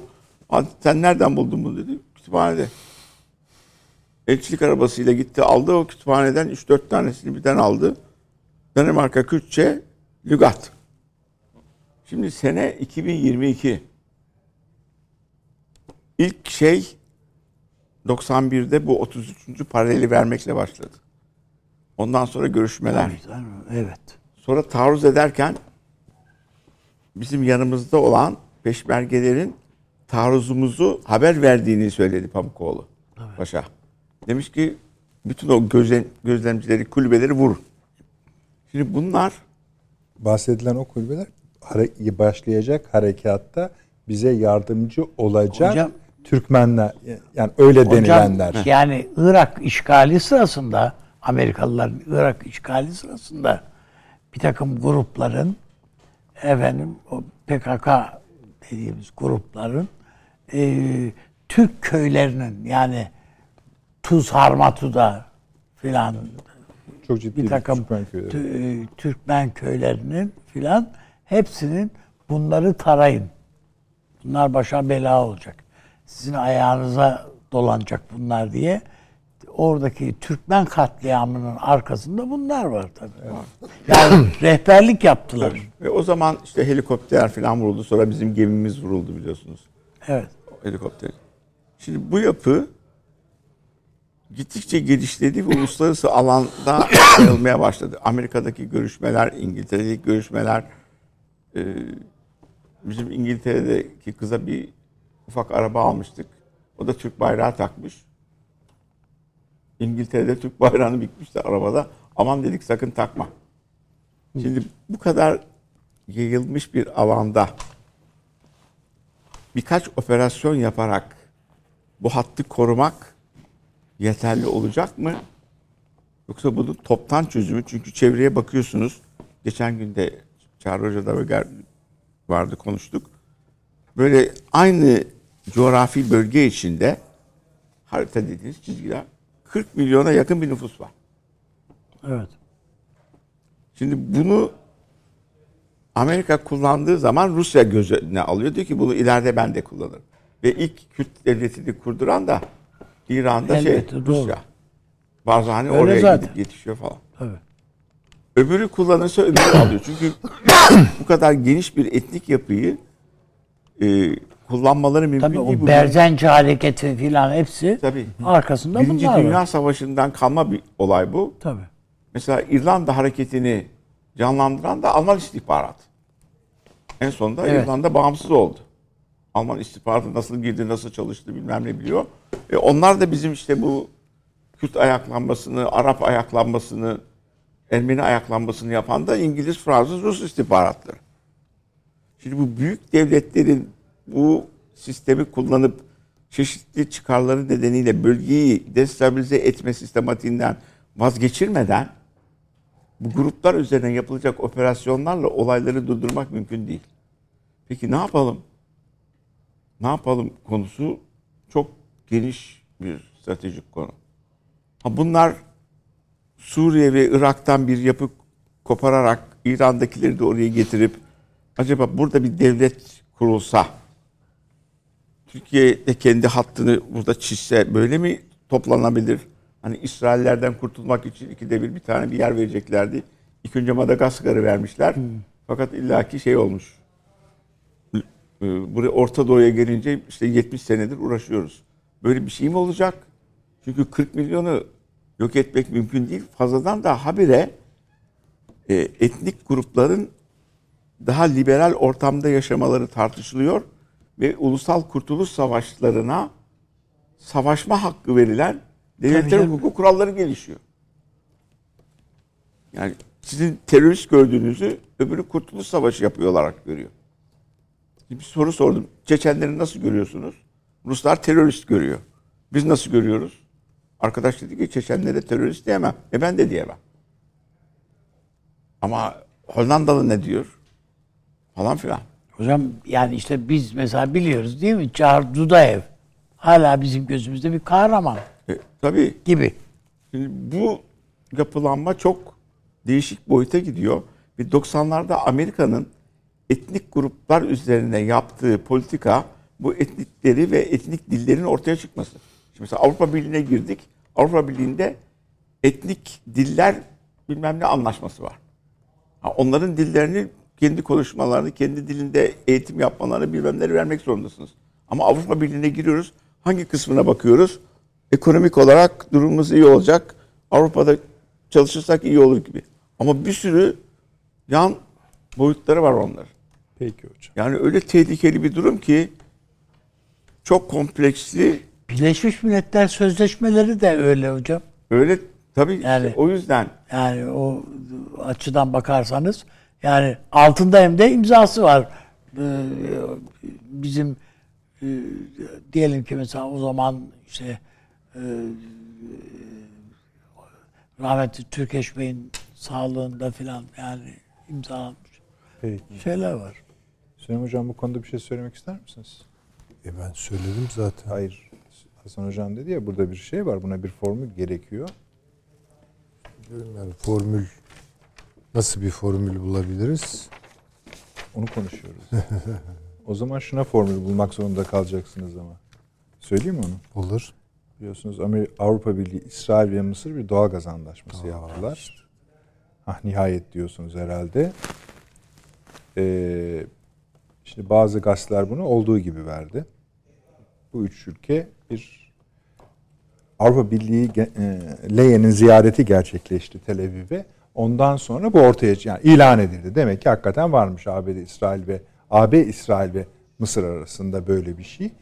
Bu da tabii Türkiye'nin Akdeniz enerjisi üzerindeki Dışlanması anlamında. buyurunuz. Estağfurullah. Yani şu oldu, e, bu İsmet projesi tasfiye edildikten sonra yani hep konuştuk işte bu Türkiye üzerinden Avrupa'ya gidecek. Bir kere artık şöyle görelim yani İsrail bir e, enerji gücüdür bugün. Yani bunu bilelim. Ve alanını da genişletme temayülünde. Lübnan'ın sahasını dahi ki Lübnan şeyini ilan etmiştir yani münasır ekonomik e, bölgesini ilan, ilan etmiştir. Dinlemiyorlar oraya da giriyorlar. Bir adım daha atıyorlar Kıbrıs'a. Özellikle Güney Kıbrıs'a giriyorlar. Güney Kıbrıs onlar için son derece stratejik bir yer haline geldi. Ee, yani biz şöyle umduk tabii yani tamamen ekonomik düşünüyoruz bazı şeyleri. Veya bazı şeyleri tamamen siyasal düşünüyoruz. Halbuki böyle bir şey olamaz.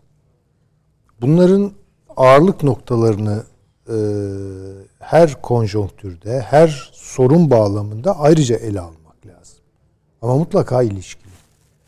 Yani şimdi şöyle baktık. Oradan geçmiyor. Niye geçmiyor? Ee, İstmet denilen şey. Çünkü ekonomik değil. Peki ekonomik olan ne? Ekonomik olan Türkiye'den geçmesi. O halde Aristo mantığına göre Türkiye'den geçecek. Bu çok basit bir çıkarsamaydı. Böyle bir ihtimal yok muydu? Var.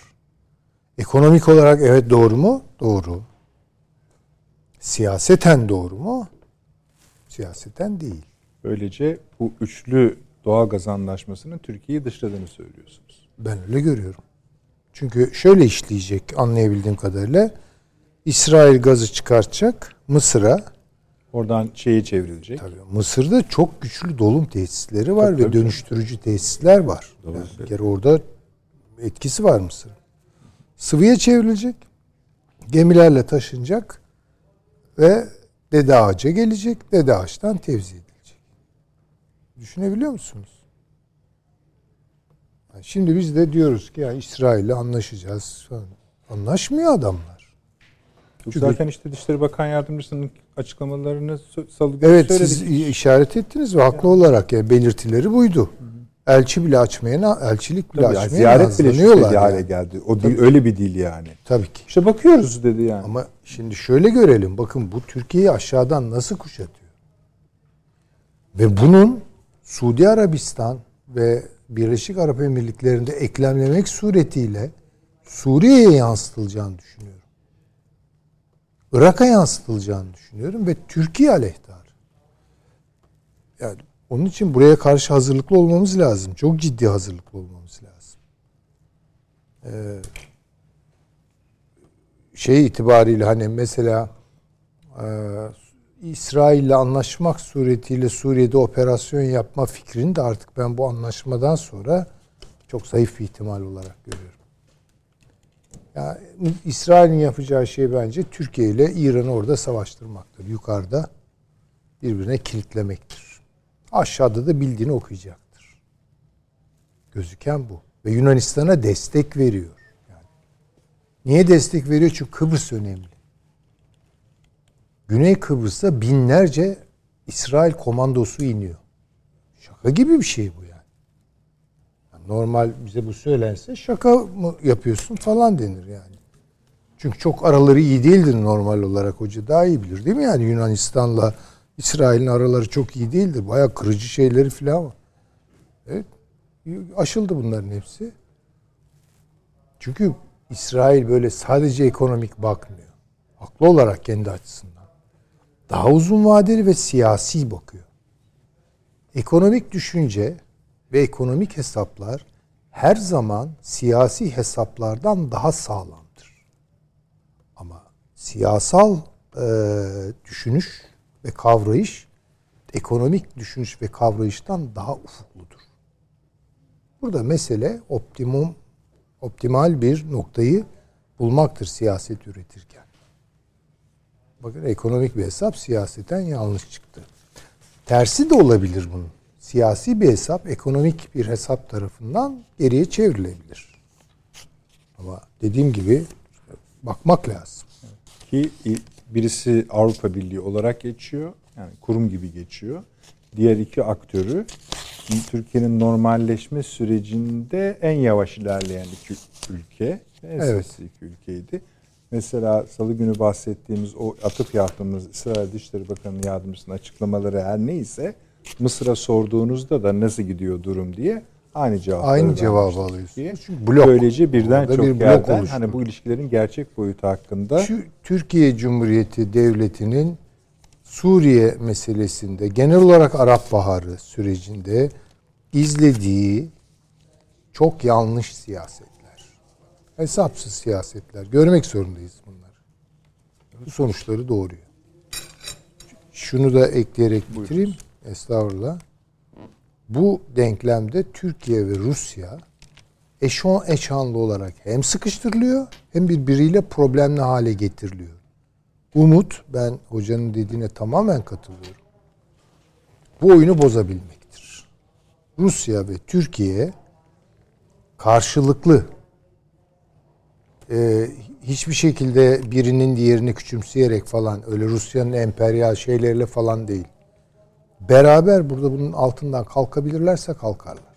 Kalkamazlarsa ikisinde de çok ağır yaralar olur. Yani bu, bunu çözmek durumundayız.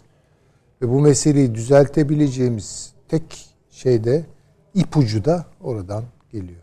Onu söyleyebilirim. Eminim diğer hocalarımızın da bu konuda diyecekleri vardır ama diyemeyecekler. Ay, çok mu konuştum özür dilerim yani. Yok. Herkes aklınca konuştuğunu düşünüyorum. Ama bir biliyorsunuz şeyde bir kato var. Roma senatosunda. Her söz, şeyin sözünü ne diyor ve Kartaca yıkılacak. Bir an önce şu deniz yetki alanları kanunu çıksın. Evet.